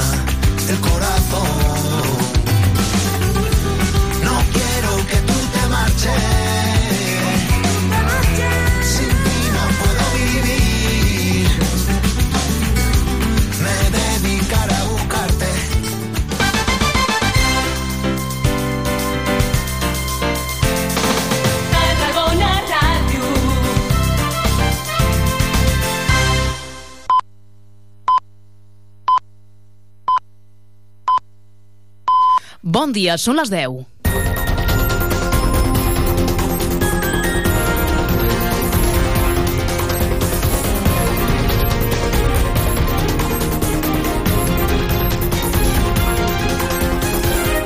Els parla Laura Casas. Ha mort als 90 anys Federico Adan, un dels pediatres més coneguts de la ciutat i que ha estat el metge de diverses generacions de tarragonins i de tarragonines. Natural de Calahorra, a la Rioja, va arribar amb 27 anys aquí per obtenir una plaça vacant de pediatria a l'ambulatori del carrer Canyelles, però va quedar-se finalment tota la seva vida. Era pare de l'actual primera tinent d'alcalde, Montse Adan, i de Federico Adan, president de l'Associació Espanyola contra el Càncer i una persona molt vinculada a les entitats de la ciutat. El 2021 va rebre la distinció al Mèrit Cívic. En trepitjar-la, la ciutat va entrar dins meu i em va enamorar, va dir en una entrevista a Tarragona Ràdio quan se li va reconèixer aquest guardó. Yo, yo de Tarragona déjeme terminar con una frase que justificará el que yo me enrolle, como dice la gente en Tarragona. La gran Guixar decía, háblame de Tarragona y te escucharemos. Yo vivo esta, esta, esta, eso del, de lo que Guixar. Me gustaría hablar con usted, pero sé que tenemos un libro invitado, pero siempre estaré a su entera disposición a Radio Tarragona y Tarragona Ciudad. Era tot un erudit. El doctor Adan, l'alcalde Rubén Viñuales, també ha tingut eh, paraules d'escalf cap a la família de la seva companya Montse Adan. Ha destacat que Federico Adan va ser un gran metge i un gran home. Quan tens un, un fill malalt, imagina el que es pateix, no? I, i que el, el doctor Adan no, et doni aquesta solució, doncs imagina el que pots arribar a sentir. I com a nen o nena, doncs, passar per les seves mans, no? I sempre amb, amb aquesta, aquest somriure, no? I, i aquesta forma de tractar-nos a tots que, que, bueno, que fa que... Per això l'estima tanta gent. Tu veies el, el doctor Adan pel carrer i era, era pitjor que ser alcalde, eh? Sí, sí. Tu podia fer dos passes sense que algú l'aturés i quan la gent te recorda de manera tan entranyable i amb tant de carinyo eh, és el millor, no? Des de Tarragona Ràdio ens sumem a les mostres de condol a la família i amics en aquests moments difícils. Canviem de registre. La nova sessió de l'espectacle de drons de Nadal serà el proper dissabte, dia 23. Es podrà veure des de la platja del Miracle, la part del passeig marítim Rafael Casanova, que transcorre per la mateixa platja i per la part inferior del vial Brian, Miguel González. No es recomana, en canvi, el passeig de les Palmeres, el tram superior del vial Brian, ni el passeig de Sant Antoni com a ubicacions des d'on veure els drons. La música de l'espectacle serà audible en el tram del passeig marítim Rafael Casanova, ubicat entre el balconet del Mediterrani i l'amfiteatre. La consellera de Comerç, Turisme i Promoció Econòmica, Montse Adan, ha recordat que la visualització va ser el problema que es van trobar el passat 24 de novembre. Per això, amb l'empresa s'han estudiat a fons els millors llocs per contemplar l'espectacle, tenint en compte que els drons, a diferència dels focs artificials, no s'enlairen a la mateixa alçada, sinó que arriben només als 120 metres. L'hora d'inici prevista de l'espectacle de drons, sempre que les condicions meteorològiques ho permetin, serà a dos quarts de set de la tarda. Tres quarts d'hora abans, a tres quarts de sis, començarà el repartiment de 1.300 racions de xocolata a l'altura del balconet del Mediterrani al passeig marítim Rafael Casanova. I Tarragona que tornarà a gaudir un any més del Parc Infantil de Nadal. El Palau Firal i de Congressos acollirà aquest espai del 27 de desembre al 4 de gener amb un ampli ventall d'activitats i tallers per les famílies. Fins a 16 entitats i l'Institut Municipal d'Educació hi col·laboraran. El circ serà la temàtica d'aquesta edició.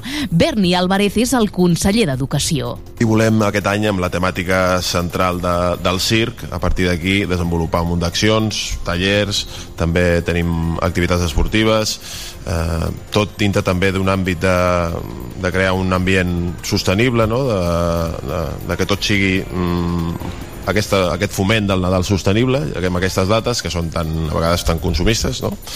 i per això hem fet doncs, moltíssimes activitats i tallers L'espai infantil comptarà amb un conjunt de 36 tallers inflables, un espai de trobada i de descans i una gran carpa de circ per jugar en família. També s'han programat espectacles diaris. Des de l'Ajuntament esperen arribar al voltant de les 8.000-9.000 persones que visitin el Parc Infantil de Nadal. El proper butllet informatiu serà a les 11.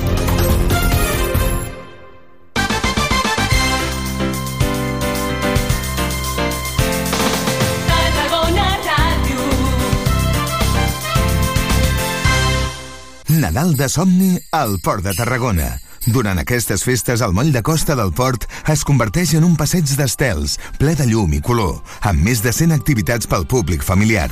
Aquest any en mercat d'artesans i gastronomia quilòmetre zero, música, màgia, cir, tallers sostenibles i moltes coses més. T'esperem a la vora del mar fins al 6 de gener. Més informació al web porttarragona.cat. Promociones José Luis. Tenemos disponibles viviendas de obra nueva en zona Juan 23 de Tarragona.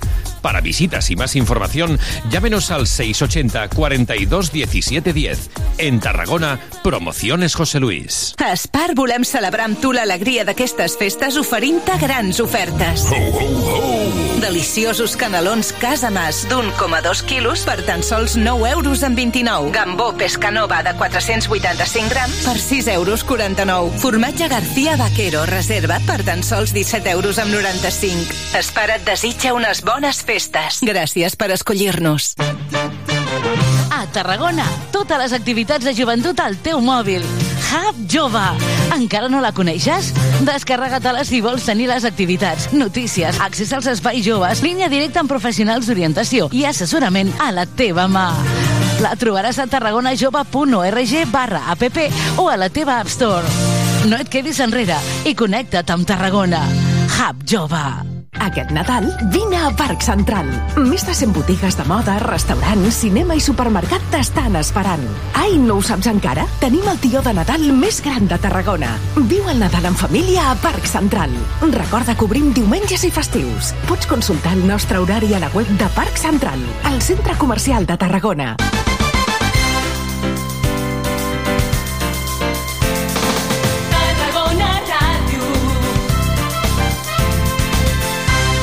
Les 10 i 7 minuts.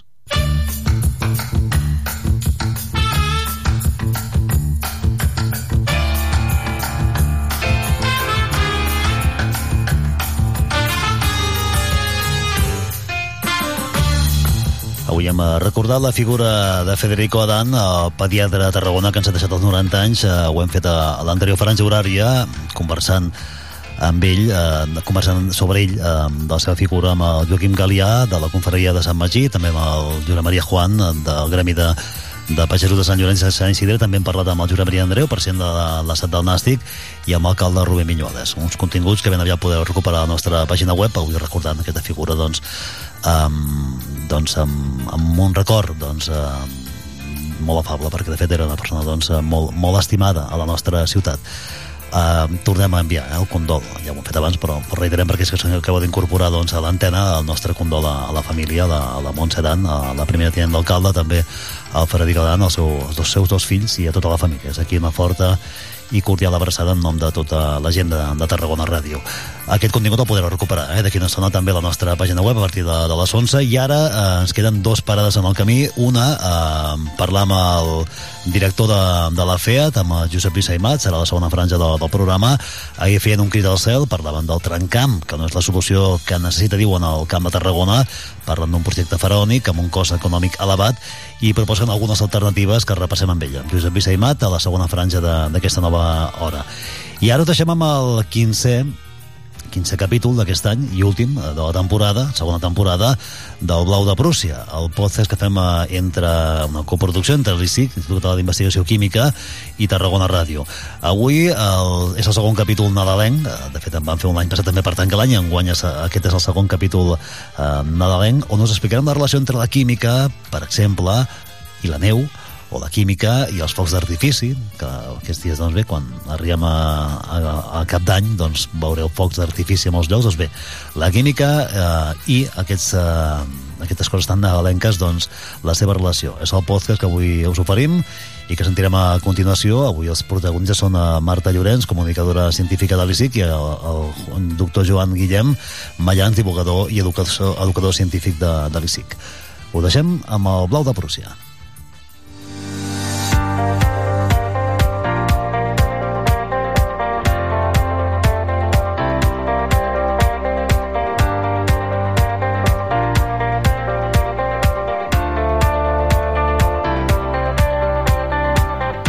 Blau de Prússia, el color dels incondicionals de la química. Com Comencem el 15 i últim capítol de la segona temporada. Aquest episodi serà també el nostre segon blau de Prússia nadalenc, un temps que culturalment es relacionem amb el fred i els passatges blancs. Però també rebrem l'any nou amb Rei Micava, i llavors els bons desitjos volaran amb la llum i el so de les pirotècnies del món sencer. Tenen relació amb la química aquestes imatges nadalenques? És la neu natural més senzilla la que fem servir per decorar? Són potser químics els captivadors colors dels focs artificials? Ho descobrirem plegats amb aquest de trons i flocs, una química de foc i gel. Aquest podcast és una coproducció de l'Institut Català d'Investigació Química i Tarragona Ràdio. Avui buscarem el blau de Prússia amb la doctora Marta Llorenç, comunicadora científica de l'ICIC, i amb el doctor Joan Guillem Mayans, divulgador i educador científic de l'ICIC.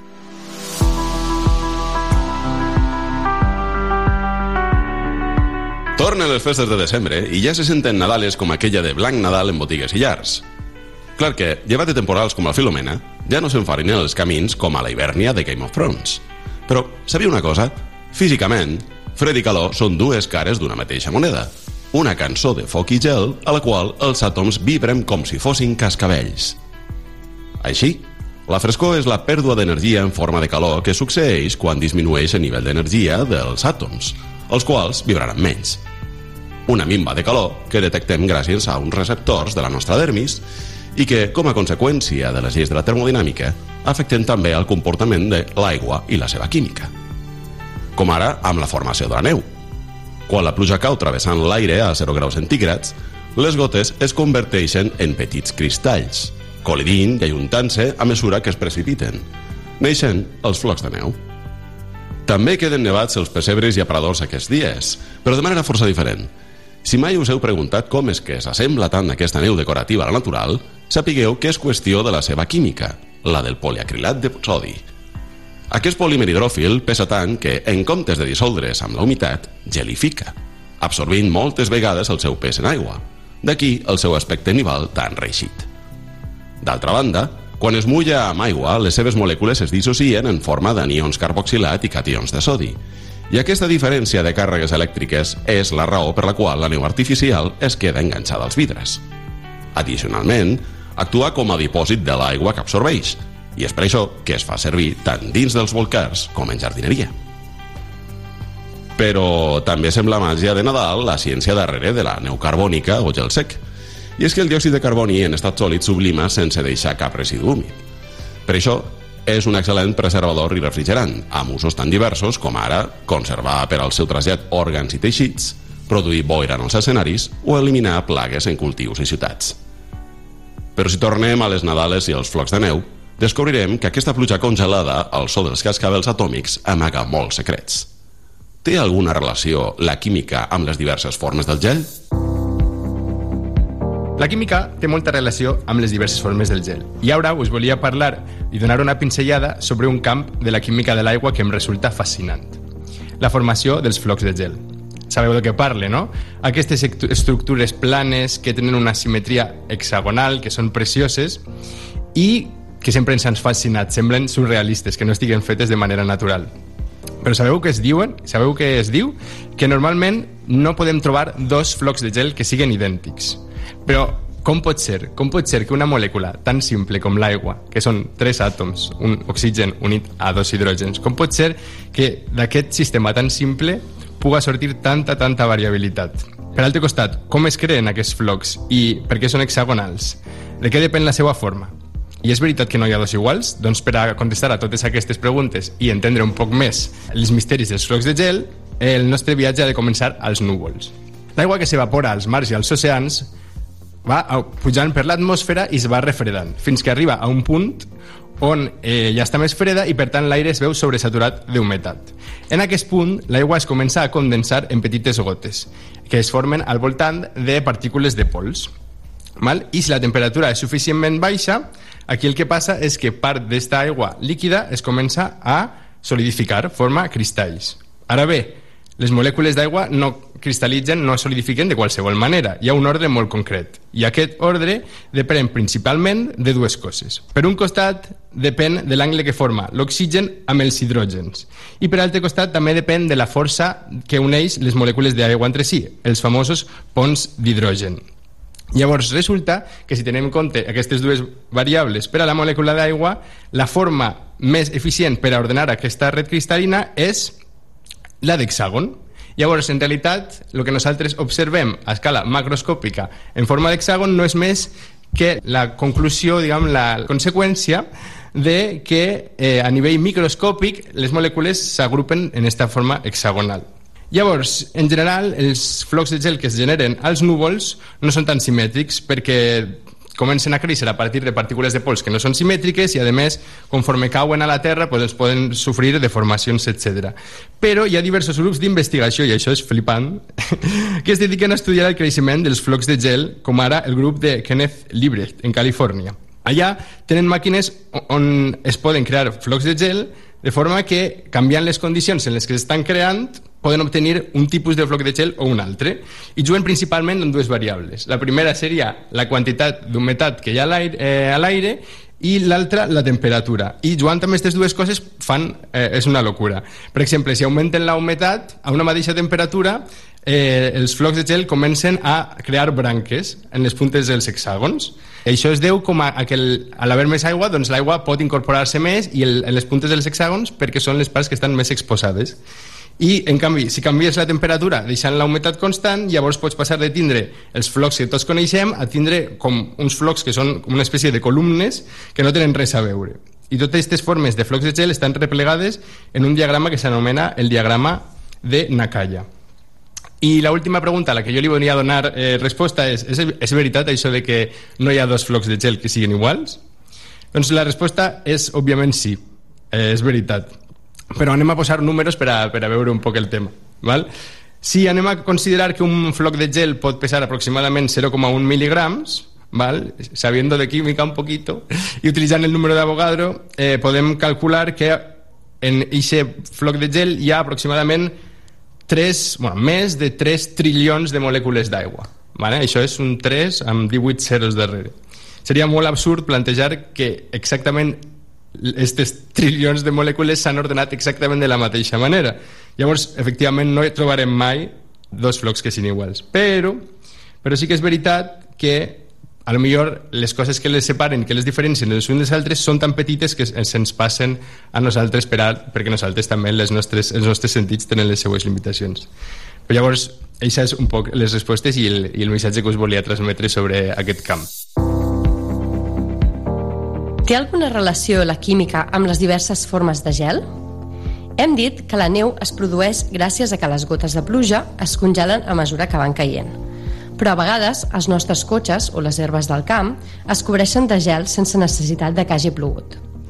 Això és degut a la humitat present a l'aire. Quan la temperatura baixa dels 0 graus, les gotetes d'aigua suspeses a l'aire o el vapor d'aigua present en aquest es congelen en entrar en contacte amb superfícies fredes. L'aigua canvia d'estat i passa a sòlid. D'aquesta manera es cobreixen les diferents superfícies de petits cristalls de gel. Això és el que anomenem gebre i és un fenomen que, tot i ser químic i físic, també és una mica màgic. El mateix passa amb les anomenades flors de gel. Aquest fenomen es produeix en boscos humits i en temperatures força baixes, però sense que arribi a glaçar el terra. En aquests ambients, certes plantes herbàcies poden fer flors de gel. Dins les plantes circula la saba, que vindria a ser com una mica com la nostra sang. Aquesta saba té un gran percentatge d'aigua i segueix circulant per la planta encara que aquesta hagi perdut ja totes les fulles. En certes plantes, els poros de les branques deixen sortir una mica d'aigua de la saba i aquesta aigua es congela en contacte amb la baixa temperatura de l'ambient. L'ambient fred de fora de la planta farà que l'aigua vagi sortint del porus i es vagi congelant fora de la planta, formant unes cintes de gel de les branques sense fulles. També s'anomenen flors de gel unes construccions de gel que observem en els pols de la Terra. Per això jo les anomenaria flors de glaç i així no ens liem. La temperatura dels pols pot arribar a ser molt freda, però l'aigua de l'oceà manté una temperatura superior. Just sobre de l'aigua del mar hi ha una capa d'aire sobresaturada, és a dir, amb un alt percentatge d'humitat. Si no hi ha gens de corrent d'aire, es mantindran dues capes d'aire molt diferenciades. Una superior, sense quasi humitat i amb una temperatura molt baixa, i una més inferior, molt humida i amb una temperatura superior.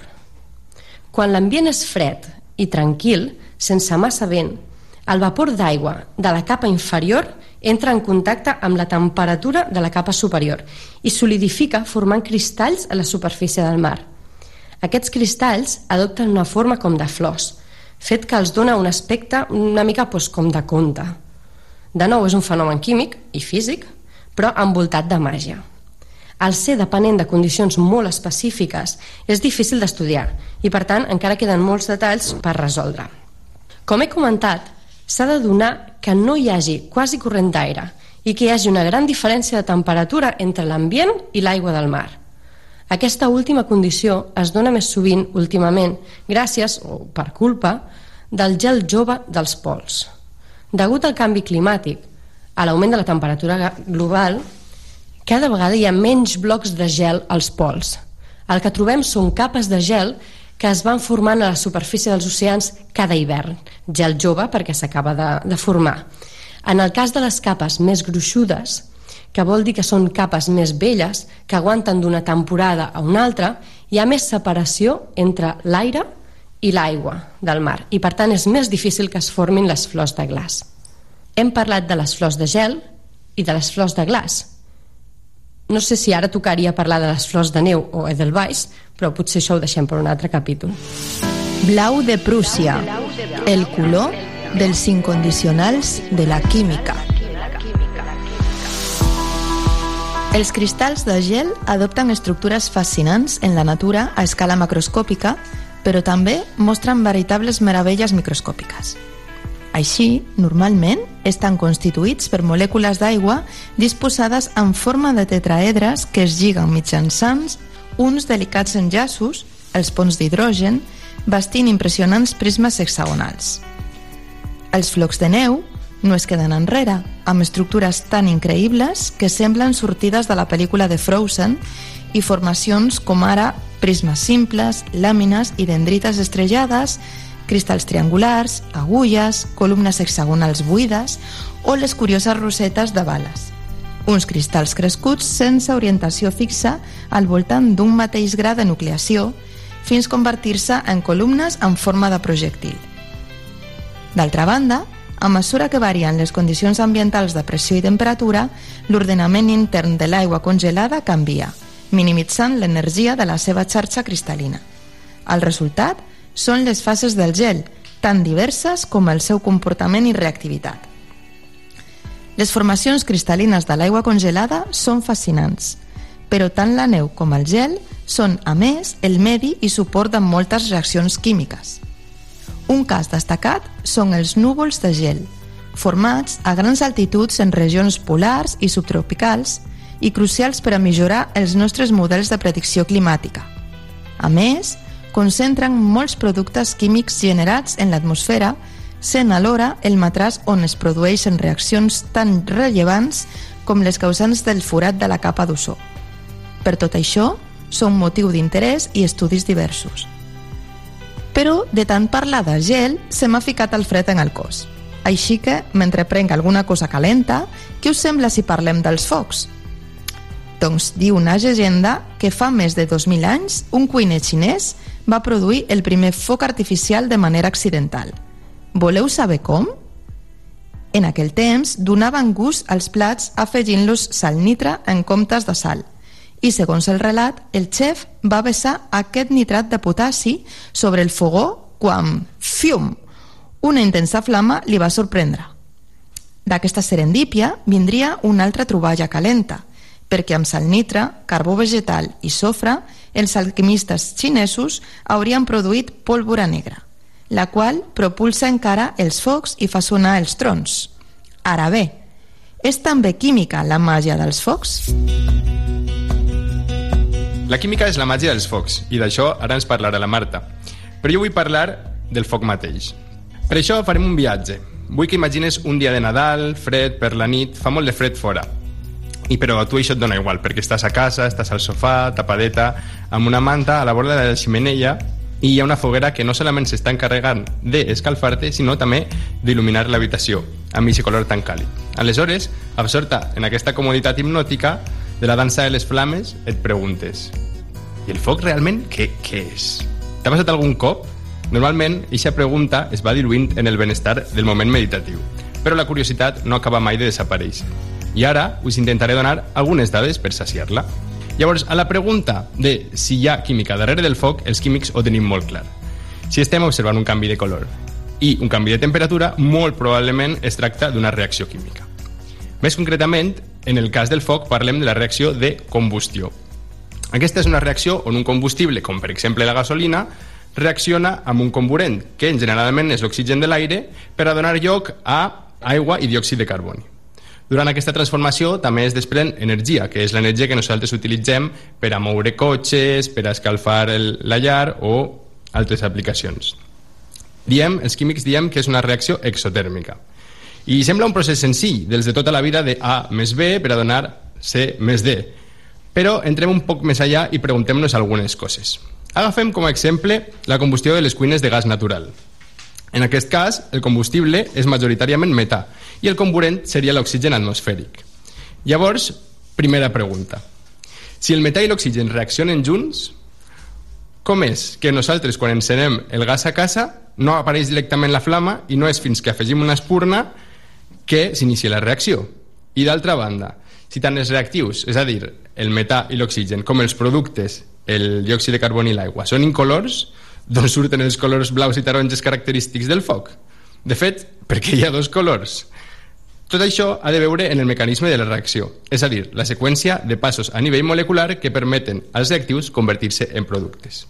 Aleshores, en moltes reaccions simples, col·lisions entre A i B, en la correcta energia i orientació, poden desencadenar la formació de C i D, però no és el cas de la combustió del metà. L'oxigen i el metà són productes que són bastant estables i per poder començar a reaccionar necessiten una energia d'activació, que seria l'espurna aquesta de la que estàvem parlant. El que fa aquesta espurna realment és trencar les molècules de metà i d'oxigen donant lloc al que anomenem radicals, que són molècules molt inestables i que sí que tenen ara molta tendència a reaccionar. Per exemple, el metà, que és CH4, al trobar-se amb l'energia d'aquesta espurna es podria dissociar en dos radicals, el radical hidrogen, que seria hidrogen amb un electró, i el radical metil, que seria CH3 amb un electró. I aquests radicals, que tenen moltes ganes de reaccionar, van a xocar i eh, enllaçar-se amb tots. Val? Una opció serà que s'enllacen i xoquen amb els materials de partida, és a dir, amb el metà i l'oxigen. Això és una propagació que es va, va fent que a partir dels materials de partida cada vegada hi hagi més radicals. Però, per altra banda, també poden reaccionar entre si, juntant dos radicals per a donar lloc a molècules molt estables, com l'aigua o el diòxid de carboni. En aquesta última reacció es desprèn una gran, gran quantitat d'energia que s'utilitza, per una banda, per a tornar a trencar més reactius de partida i així la mateixa reacció s'està alimentant ella mateixa, però hi ha un excés d'energia que es desprèn i és el que després nosaltres utilitzarem per alimentar els nostres processos energètics, ja sigui cuinar o fer avançar un cotxe o el que sigui. És important notar que en tot aquest procés es produeixen els radicals i els radicals ara sí són capaços d'emetre color i d'ahir, de fet, ve el color blau. El color blau principalment de la flama ve eh, per part dels radicals metil, que ja hem parlat, i l'hidroxil, que seria un radical eh, que es troba en, un, en una combinació d'àtoms d'oxigen i hidrogen. Però i el color taronja, llavors, d'on surt? Doncs resulta que quan no hi ha suficient d'oxigen per a reaccionar amb el metà, que parlem d'una combustió incompleta, molts dels radicals provenents del metà s'aglomeren formant estructures més pesades de carboni i hidrogen, val? que és el que nosaltres anomenem el sutge, o hollín en castellà. I este hollín, a l'escalfar-se a altes temperatures, produeix aquest color taronja. Bé, ara ja saps d'on venen els colors del foc, perquè emet calor i que la combustió té molta més profunditat de la que se sol parlar. Però segur que si arriba un altre dia fred i et quedes mirant-lo, se, eh, se t'acudeixen més preguntes. Per què es mou així? I quina temperatura està? El meu únic consell és que continuïs alimentant la teva curiositat. Quan parlem dels focs artificials, pensem en llums de colors il·luminant el cel, llums de diferents colors. Ara ja sabem el perquè de que el foc tingui diferents colors, però els colors dels focs artificials no estan relacionats amb la combustió de determinats gasos, sinó amb les sals que s'afegeixen per preparar els focs, tal com va fer aquell cuiner xinès. El component més important dels focs artificials és, per suposat, la pólvora. Aquest compost serveix per propulsar els focs ben amunt abans de que explotin, per controlar l'explosió a través de la metxa i també defineix la càrrega explosiva del foc. Els colors dels focs artificials són deguts, per una banda, a la incandescència i, per altra banda, a la luminiscència. La incandescència és la llum produïda per la calor. L'augment de la temperatura escalfa un material fins a fer-lo brillar, que comença emetent a l'infraroig, després el vermell, taronja, groc i finalment llum blanca, a mesura que es va tornant més calent. Això és fàcil de visualitzar si pensem en les antigues bombetes, aquelles que tenien un filament al seu interior.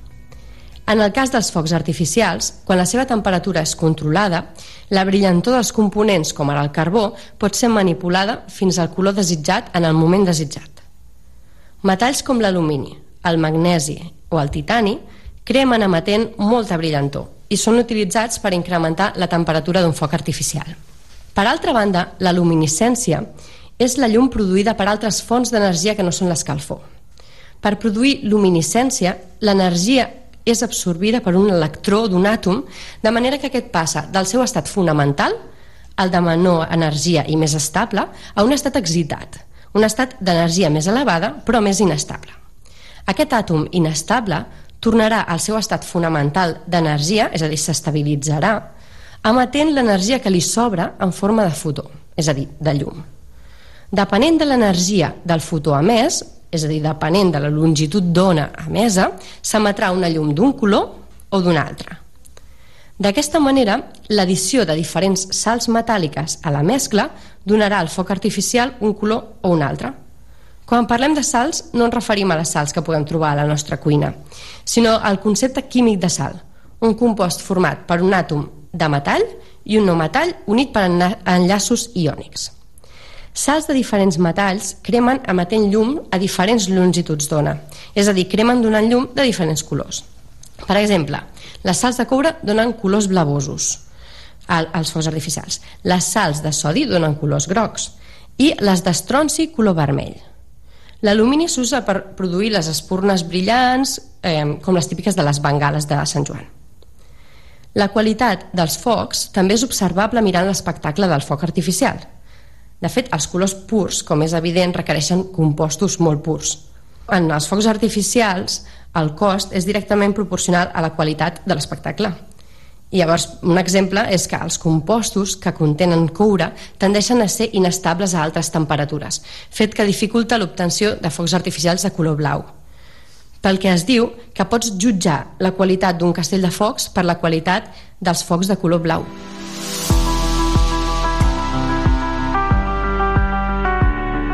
En pocs dies tornaran al port de Sydney les flors de foc i rebrem l'any nou arreu el món amb llum i color, des de Kiribati i Samoa fins a les illes Baker i Howland dels Estats Units.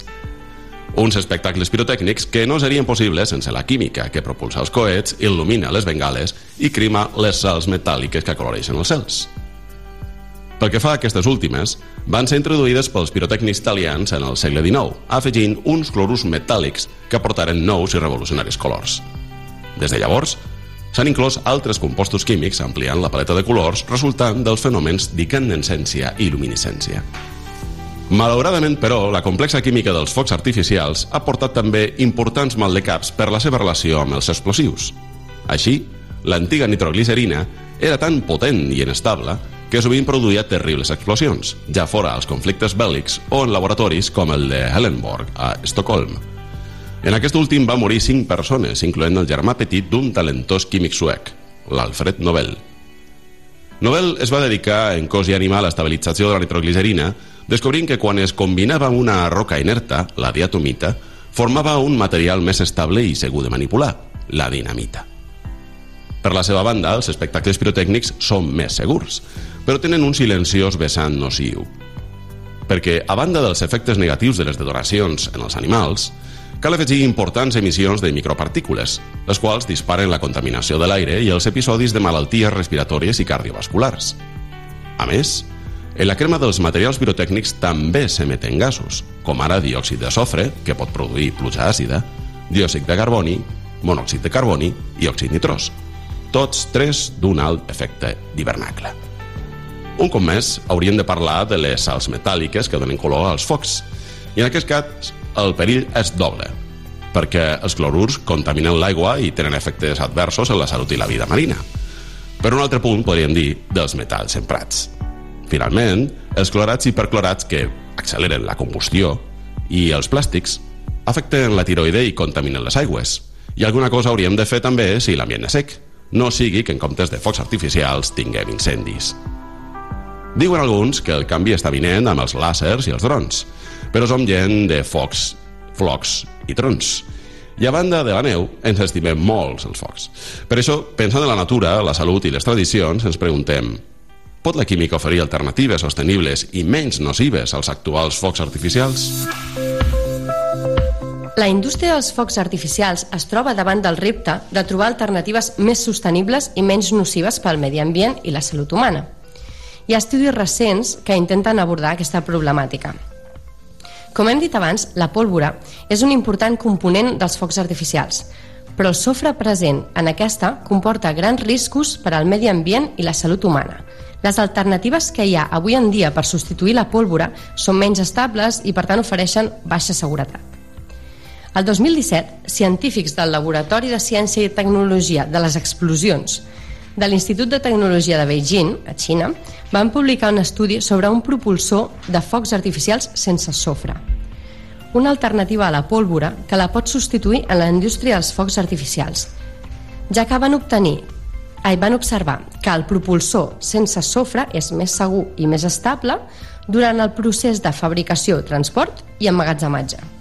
A més, van observar que quan s'usava no emetia contaminants a l'ambient. Per tant, tenim un candidat estrella per substituir la pólvora. Què passa amb els altres components dels focs artificials? Abans hem dit que per aconseguir el vermell dels focs artificials s'usen salts d'estronci. Però des de fa uns anys que es coneix que l'estronci és un perill per la salut. Aquest element substitueix el calci en els ossos i això pot portar problemes en el desenvolupament de l'esquelet en nens i adolescents, així com en la força dels ossos dels adults. Per això, s'està considerant les sals de liti com a alternativa per produir color vermell. Mica a mica es va millorant la formulació per a obtenir compostos més purs que produeixin colors de millor qualitat i sense sals que suposin un risc per la salut. En conjunt, aquests estudis demostren que la química pot oferir alternatives sostenibles i menys nocives als actuals focs artificials. Mitjançant la recerca i el desenvolupament de noves formulacions, és possible progressar cap a una indústria pirotècnica més segura i respectuosa amb el medi ambient i amb menor impacte en la salut humana. Bé, com ja he vist, la història de la pirotècnia es remunta abans de Crist, quan els xinesos van introduir per primera vegada l'ús de la pólvora negra com a material de focs artificials al món. Des de llavors, la tecnologia dels focs artificials ha evolucionat enormement. Els coets normalment presenten una formulació concreta, és a dir, una mescla de compostos entre els quals s'inclouen els oxidants, els combustibles, els agents colorants, aglutinants, propulsors i agents de so i fum. Entre els més utilitzats estan els perclorats i els compostos policlorats, que són tòxics i contaminants. Als darrers anys s'han fet molts esforços en dissenyar nous compostos pirotècnics respectuosos amb el medi ambient. En aquest sentit, els polímers de coordinació energètica són un tipus de material molt important, que es presenta com una alternativa més sostenible. Aquests polímers, constituïts per cadenes orgàniques coordinades a metalls diferents, presenten avantatges molt importants, com ara, per un costat, ens traiem de damunt aquests perclorats. Això vol dir que són més respectuosos en el medi ambient. També són més segurs degut a la seva estructura que pot ser ja sigui mono, bi o tridimensional. La varietat d'estructures que de la que estàvem parlant, juntament amb la gran varietat de metalls que poden eh, incloure, fa que es puguin obtenir una gran varietat de colors i efectes. I per últim, al ser un sistema orgànic eh, molt, molt concret, ens permet mantenir inalterada l'energia de combustió, el que ens dona lloc a uns focs més estables i més reproduïbles. Per tant, no cal perdre de vista aquesta família de polímers de coordinació energètica. I, per últim, eh, també m'agradaria destacar el cas d'una de les darreres creacions del pensador i artista Dan Roergarde, que va presentar en Bilbao en 2022 i que es tracta d'una espècie de, de festivitat amb focs artificials, però en aquest cas el que s'utilitza són com unes petites llums biodegradables que van, durant un breu instant de temps, van il·luminar tota la, la nit del, del cel de Bilbao. La veritat és que poc, es, se, poc s'esmenta no, de la composició química d'aquestes bombolles i creiem que és com, com també un secret d'artista, però també està clar que, que si és biodegradable és més sostenible i també a nivell de contaminació acústica va ser, va ser un avanç. El meu desig per l'any vinent és que hi hagin més enllaços covalents. M'explico. Quan les molècules es formen, els àtoms que les composen es poden unir mitjançant diferents tipus d'enllaços. Tenim els enllaços iònics, en els quals un element de la parella cedeix electrons a l'altre element. L'exemple clàssic és el clorur de sodi, la sal en aquest cas que sí que trobem a la nostra cuina. En aquest cas, el sodi li passa un electró al clor, quedant els dos carregats però amb càrregues oposades i per tant units electrostàticament. Després tenim els enllaços covalents, en els quals els àtoms que formen la molècula comparteixen els electrons. I l'exemple en aquest cas és el de l'àcid clorhídric. En el cas de l'hidrogen i el clor s'uneixen compartint el seu electró més superficial. Per tant, el meu desig pel 2024 és que aprenem més a compartir. Per últim, m'agradaria dir el meu eh, desig, desig químic per, a, per al següent any i crec que em basaré per això en, en un moment del, del meu doctorat on estava fent recerca i portava molt, molt de temps buscant la solució a un problema i com sis, sis mesos buscant la mateixa solució al problema. I no va ser fins que vaig coincidir amb el meu company eh, que estava just treballant enfront de mi, que també portava quasi un any treballant en un problema, i els dos vam, vam juntar els nostres projectes eh, fins que realment vam trobar una solució i és que realment jo, estava, jo necessitava algo que ell tenia i ell necessitava algo que jo tenia i llavors en aquell moment es van resoldre dos projectes i això va donar a un únic lloc a un únic projecte que va acabar sent una publicació molt interessant en la que vam aprendre molt. Llavors el meu desig és que tant de bo que poguérem agafar els nostres problemes i un poc allunyar-nos i veure les coses amb un poc més de perspectiva, compartir-los i veure si entre tots podem trobar al millor solucions eh, no sé, que siguin més, més comunes i amb això fer d'aquest món un món millor. Blau de Prússia, el color dels incondicionals de la química. Avui ens hem sumat a les celebracions de Nadal parlant de la química de dos elements icònics d'aquestes festes, el gel i els focs. Ara sabem que l'aigua congelada presenta moltes formes a la natura i que tant els increïbles cristalls dels flocs de neu com la neu artificial són qüestió de química. També que una troballa casual com la del nostre blau va donar lloc a la pólvora i els focs artificials, la màgia dels quals té una química tan espectacular com problemàtica. Marxem, però tornarem al 2024 i descobrirem plegats més temes interessants, com sempre, del món de la química.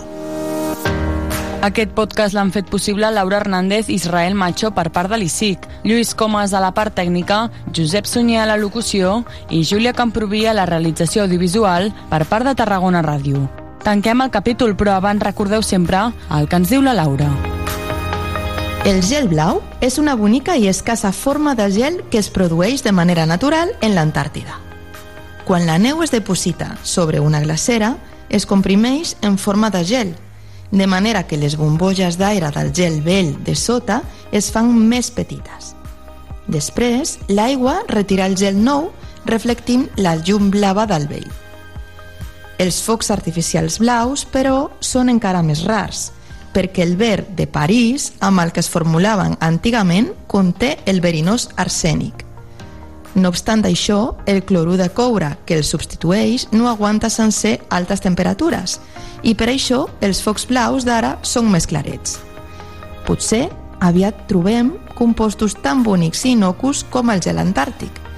Llavors, rebríem l'any nou amb focs artificials d'un color blau, de Prússia, o no?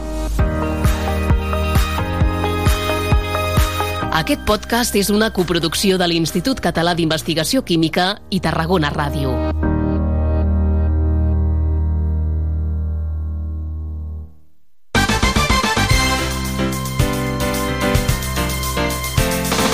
Tarragona Ràdio.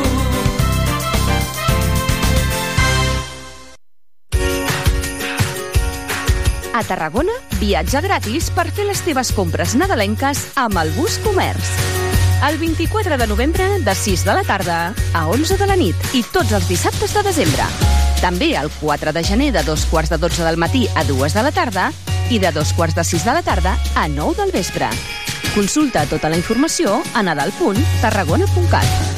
Aquest Nadal, el nostre comerç és l'estrella.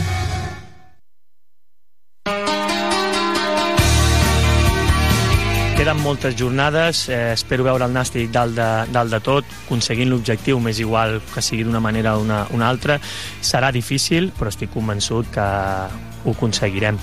El Nàstic iniciarà el 2024 amb ganes que sigui un any en què aconsegueixin els objectius marcats, com explica el capità de la plantilla, Joan Oriol. Dimecres 3 de gener a dos quarts de nou del vespre viurem la 18a jornada de Lliga al grup primer de la primera federació des del nou estadi Costa Daurada en el partit entre el Nàstic i la Unió Esportiva Cornellà. I com sempre, des de fa 31 temporades, t'ho explicarem tot des d'una hora abans a la sintonia de Tarragona Ràdio, el 96.7 i 101.0 d'FM, al web i a les aplicacions mòbils. Escolta'ns, participa al Joc de la Porra, comenta el partit a la xarxa X del Sempre Nàstic i al WhatsApp de Tarragona Ràdio. 31a temporada del Sempre Nàstic, viu el futbol, viu el Nàstic i viu els gols.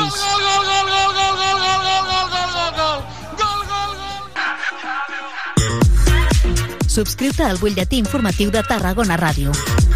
Només cal que entres a la nostra pàgina web tarragonaradio.cat i omplis la butlleta amb les teves dades bàsiques, nom, cognoms i correu electrònic. Cada setmana t'enviarem un mail amb les notícies i activitats més destacades de Tarragona. Subscriu-te al butlletí informatiu de Tarragona Ràdio. Et volem a la nostra xarxa.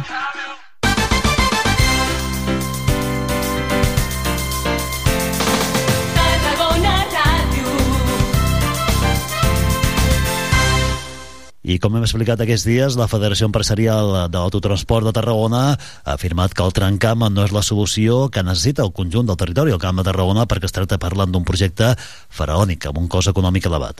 En parlem amb el director de la FEAT, amb en Josep Lluís Aimat, que tenim al telèfon. Josep Lluís, què tal? Molt bon dia. Hola, bon dia. Eh, ho ha explicat ja els arguments, eh? i també el que, el que des del vostre punt de vista seria la- l'alternativa, no?, aquest trencamp. Sí, nosaltres pensem que el que cal fer són eixos cívics, és a dir, el terreny per on hauria de discórrer el tramvia s'hauria de reservar en exclusiva per al transport públic i els serveis d'emergència per fer un transport amb vehicles de menys capacitat però més alta freqüència de pas i o bé d'hidrogen o bé elèctrics amb zero emissions. Això seria una alternativa molt més econòmica i que tindria molts més efectes, perquè la veritat és que el nostre territori no és un territori densament poblat que necessitem sistemes rígids d'alta capacitat. Nosaltres pensem que necessitem sistemes flexibles, àgils i d'alta freqüència de pas, i que això seria molt més mm, important a l'hora de que la gent abandonés l'ús del turisme privat. Uh, dèieu també que s'està fent uh, la caça per la taulada, eh? és a dir, invertint, és a dir, que si es fes això que dieu vosaltres, després, en un futur, sí que es podria doncs, habilitar espai per les vies. Correcte, perquè estem fent un sistema, ja dic, de molt alta capacitat en un territori on encara la penetració i el tant per cent d'ús del transport públic és relativament petit. Des d'aquest punt de vista hi ha altres projectes tramviaris que han fracassat pel mateix, perquè en si el tramvia és una eina molt potent i molt bona en els llocs on realment li pertoca, però no en llocs que com aquí són geogràficament molt amplis amb mm, ciutats mitjanes amb mobilitats creuades, però amb una mobilitat que no és molt densa, és a dir, no és molt nombrosa. No tenim un eix, diguem-ne, que digui que portem 15 milions de viatgers, sinó que tots els vectors de mobilitat són relativament petits. Llavors nosaltres el que pensem que necessitem no són 46 quilòmetres de vies per portar 9 milions de viatgers, perquè aquests no, 46 quilòmetres de vies més el material mòbil i tal, el pressupost diu que va quasi als 600 milions, però nosaltres calculem que de 1.000 milions d'euros no baixa de cost. I en aquest sentit pensem que realment hi ha alternatives tan, mm, diguem-ne, eh, ideals com podria ser un tramvia en altre territori, però que nosaltres necessitaríem més vehicles d'aquest tipus. Eh, Per exemple, per posar un exemple, la C245 a Barcelona, el tramvia ja arriba a Cornellà, però tota la, la línia de transport públic que continua cap a Castelldefels, Gavà, Viladecans, etc s'ha fet en, com, com nosaltres estem proposant, amb un eix cívic. No, no s'ha fet la perllongació del tramvia, malgrat que aquell vector de mobilitat cap a Barcelona eh, té molt més potència que qualsevol dels nostres, perquè allà estan jugant 17 milions de viatgers ja en transport públic, mentre que aquí no arribem als 2 milions en el vector més potent. Sí, sí, i eh, parleu d'aquest eix eh, vial doncs, eh, i també fèieu referència a aquests autobu- autobusos no, que puguin circular i ja siguin en base a hidrogen, eh, amb aquest vector, o elèctrics, eh? és a dir que, i de fet d'hidrogen ja n'estem veient alguns, Tarragona per exemple eh, ja en té tres eh, circulant en fase de prova i, i n'han de vindre més, no?, per posar un exemple. Sí, sí, correcte, i això és una mobilitat que genera zero emissions i tant els elèctrics com els hidrògens en aquest sentit ho fan i tenen les mateixes avantatges del que tenia un tramvia, que antigament tenia aquest diferencial amb els vehicles que s'utilitzaven perquè no emetien cap tipus de gasos al lloc per on circulaven, ara també ho tenim en aquests vehicles de nova, de nova generació i en aquest sentit la veritat és que el cost entenem que és absolutament desproporcionat. I en aquest sentit ten, també pensem que és una oportunitat eh, perduda perquè Eh, Fixeu-vos, per exemple, l'últim estudi que es va fer en relació a l'estació del camp.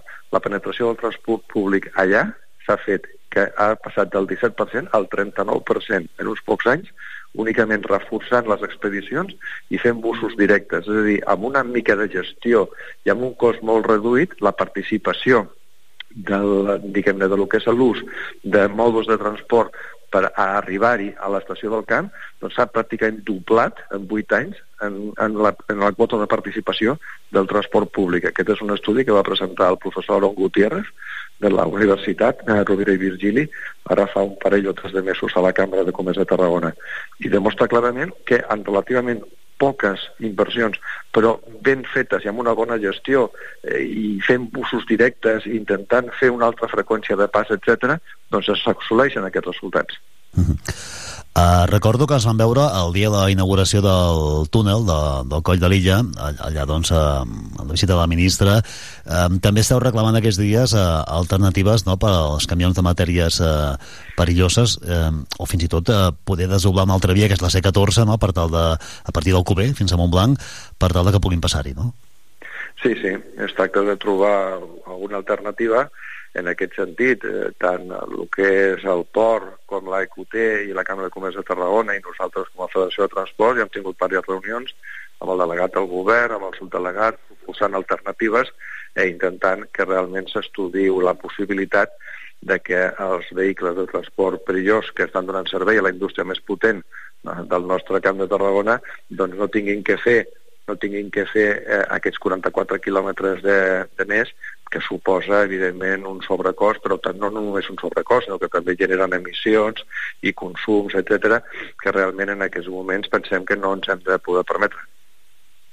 Parlem de fer um, uns 40 quilòmetres de, més, no?, perquè és que han de fer el tom i que no poden passar pel coll de l'illa, i després els que, els que estan catalogats com a matèries perilloses, tots aporten matèries perilloses o no?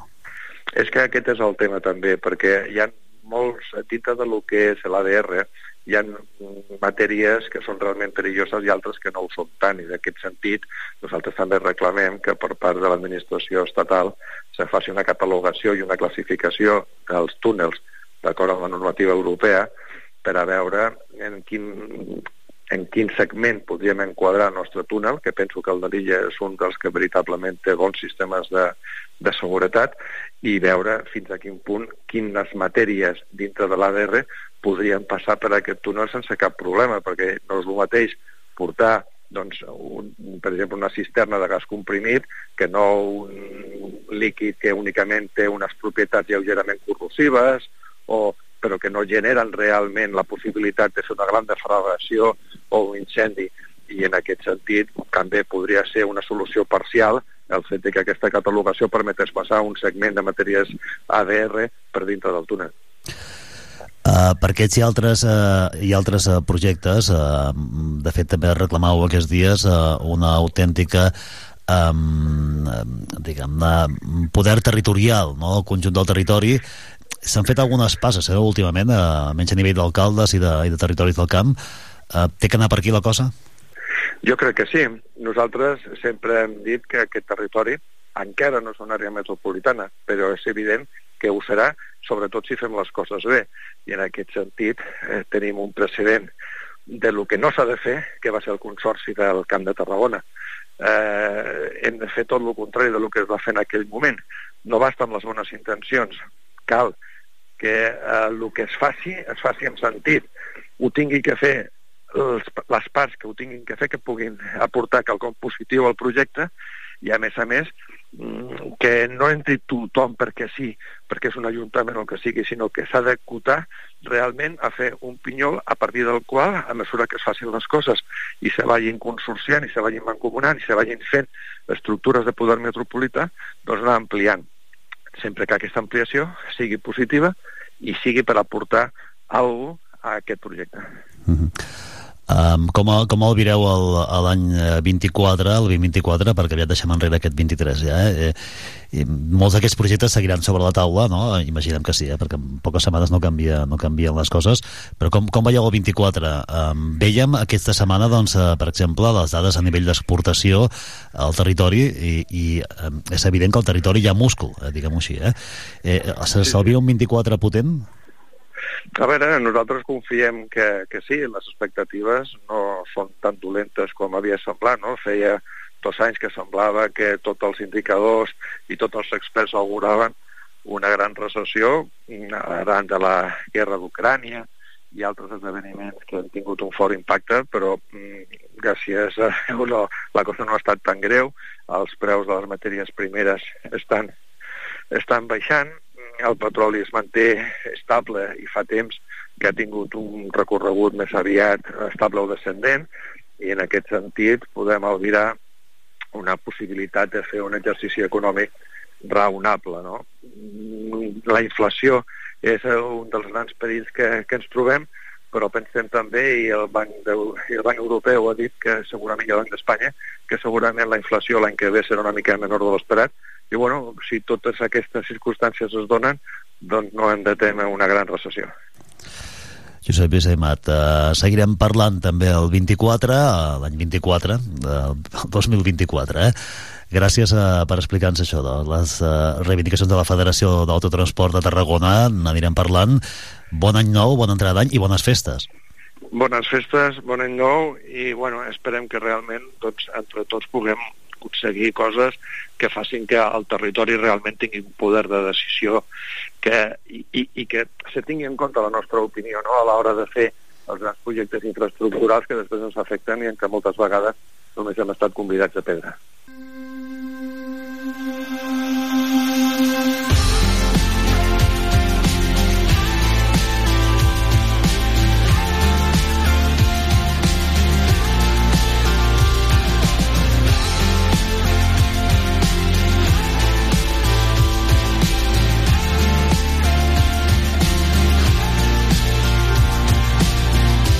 Avui l'Albert arriba l'hora, em dóna el cava i el poso en fred. I arriben l'Hèctor i la Clara, porten la nena doncs tanquem així la, la veu d'avui, dimecres 20 de desembre, avui que hem començat el programa recordant la figura de Federico Adán, el pediatre de Tarragona que ens deixava els 90 anys, eh, això al començament del programa, tanquem doncs, també amb aquest record per ell. I així doncs tornem de seguida a les notícies. A les 11, el butlletí informatiu, després el que de què, amb tota la gent que fa possible el programa, i demà que us saludarem a les 10 des de l'entorn del Mercat Central amb el programa de Nadal, allà al carrer Canyelles, a partir de les 10, i parlant de, de tot allò que serà notícia aquests dies eh, nadalencs que acaba de passar una bona jornada ho deixem en Lluís Comas al control tècnic de seguida Núria Cartanyà, Miguel González, Joan Andreu Pérez de la producció us ha parlat Josep Sunyer passeu bon dimecres, adeu Judit i afegeix Jo mai, mai he desitjat que deixés el seu marit. Puto Héctor. Tothom em mira i ningú veu.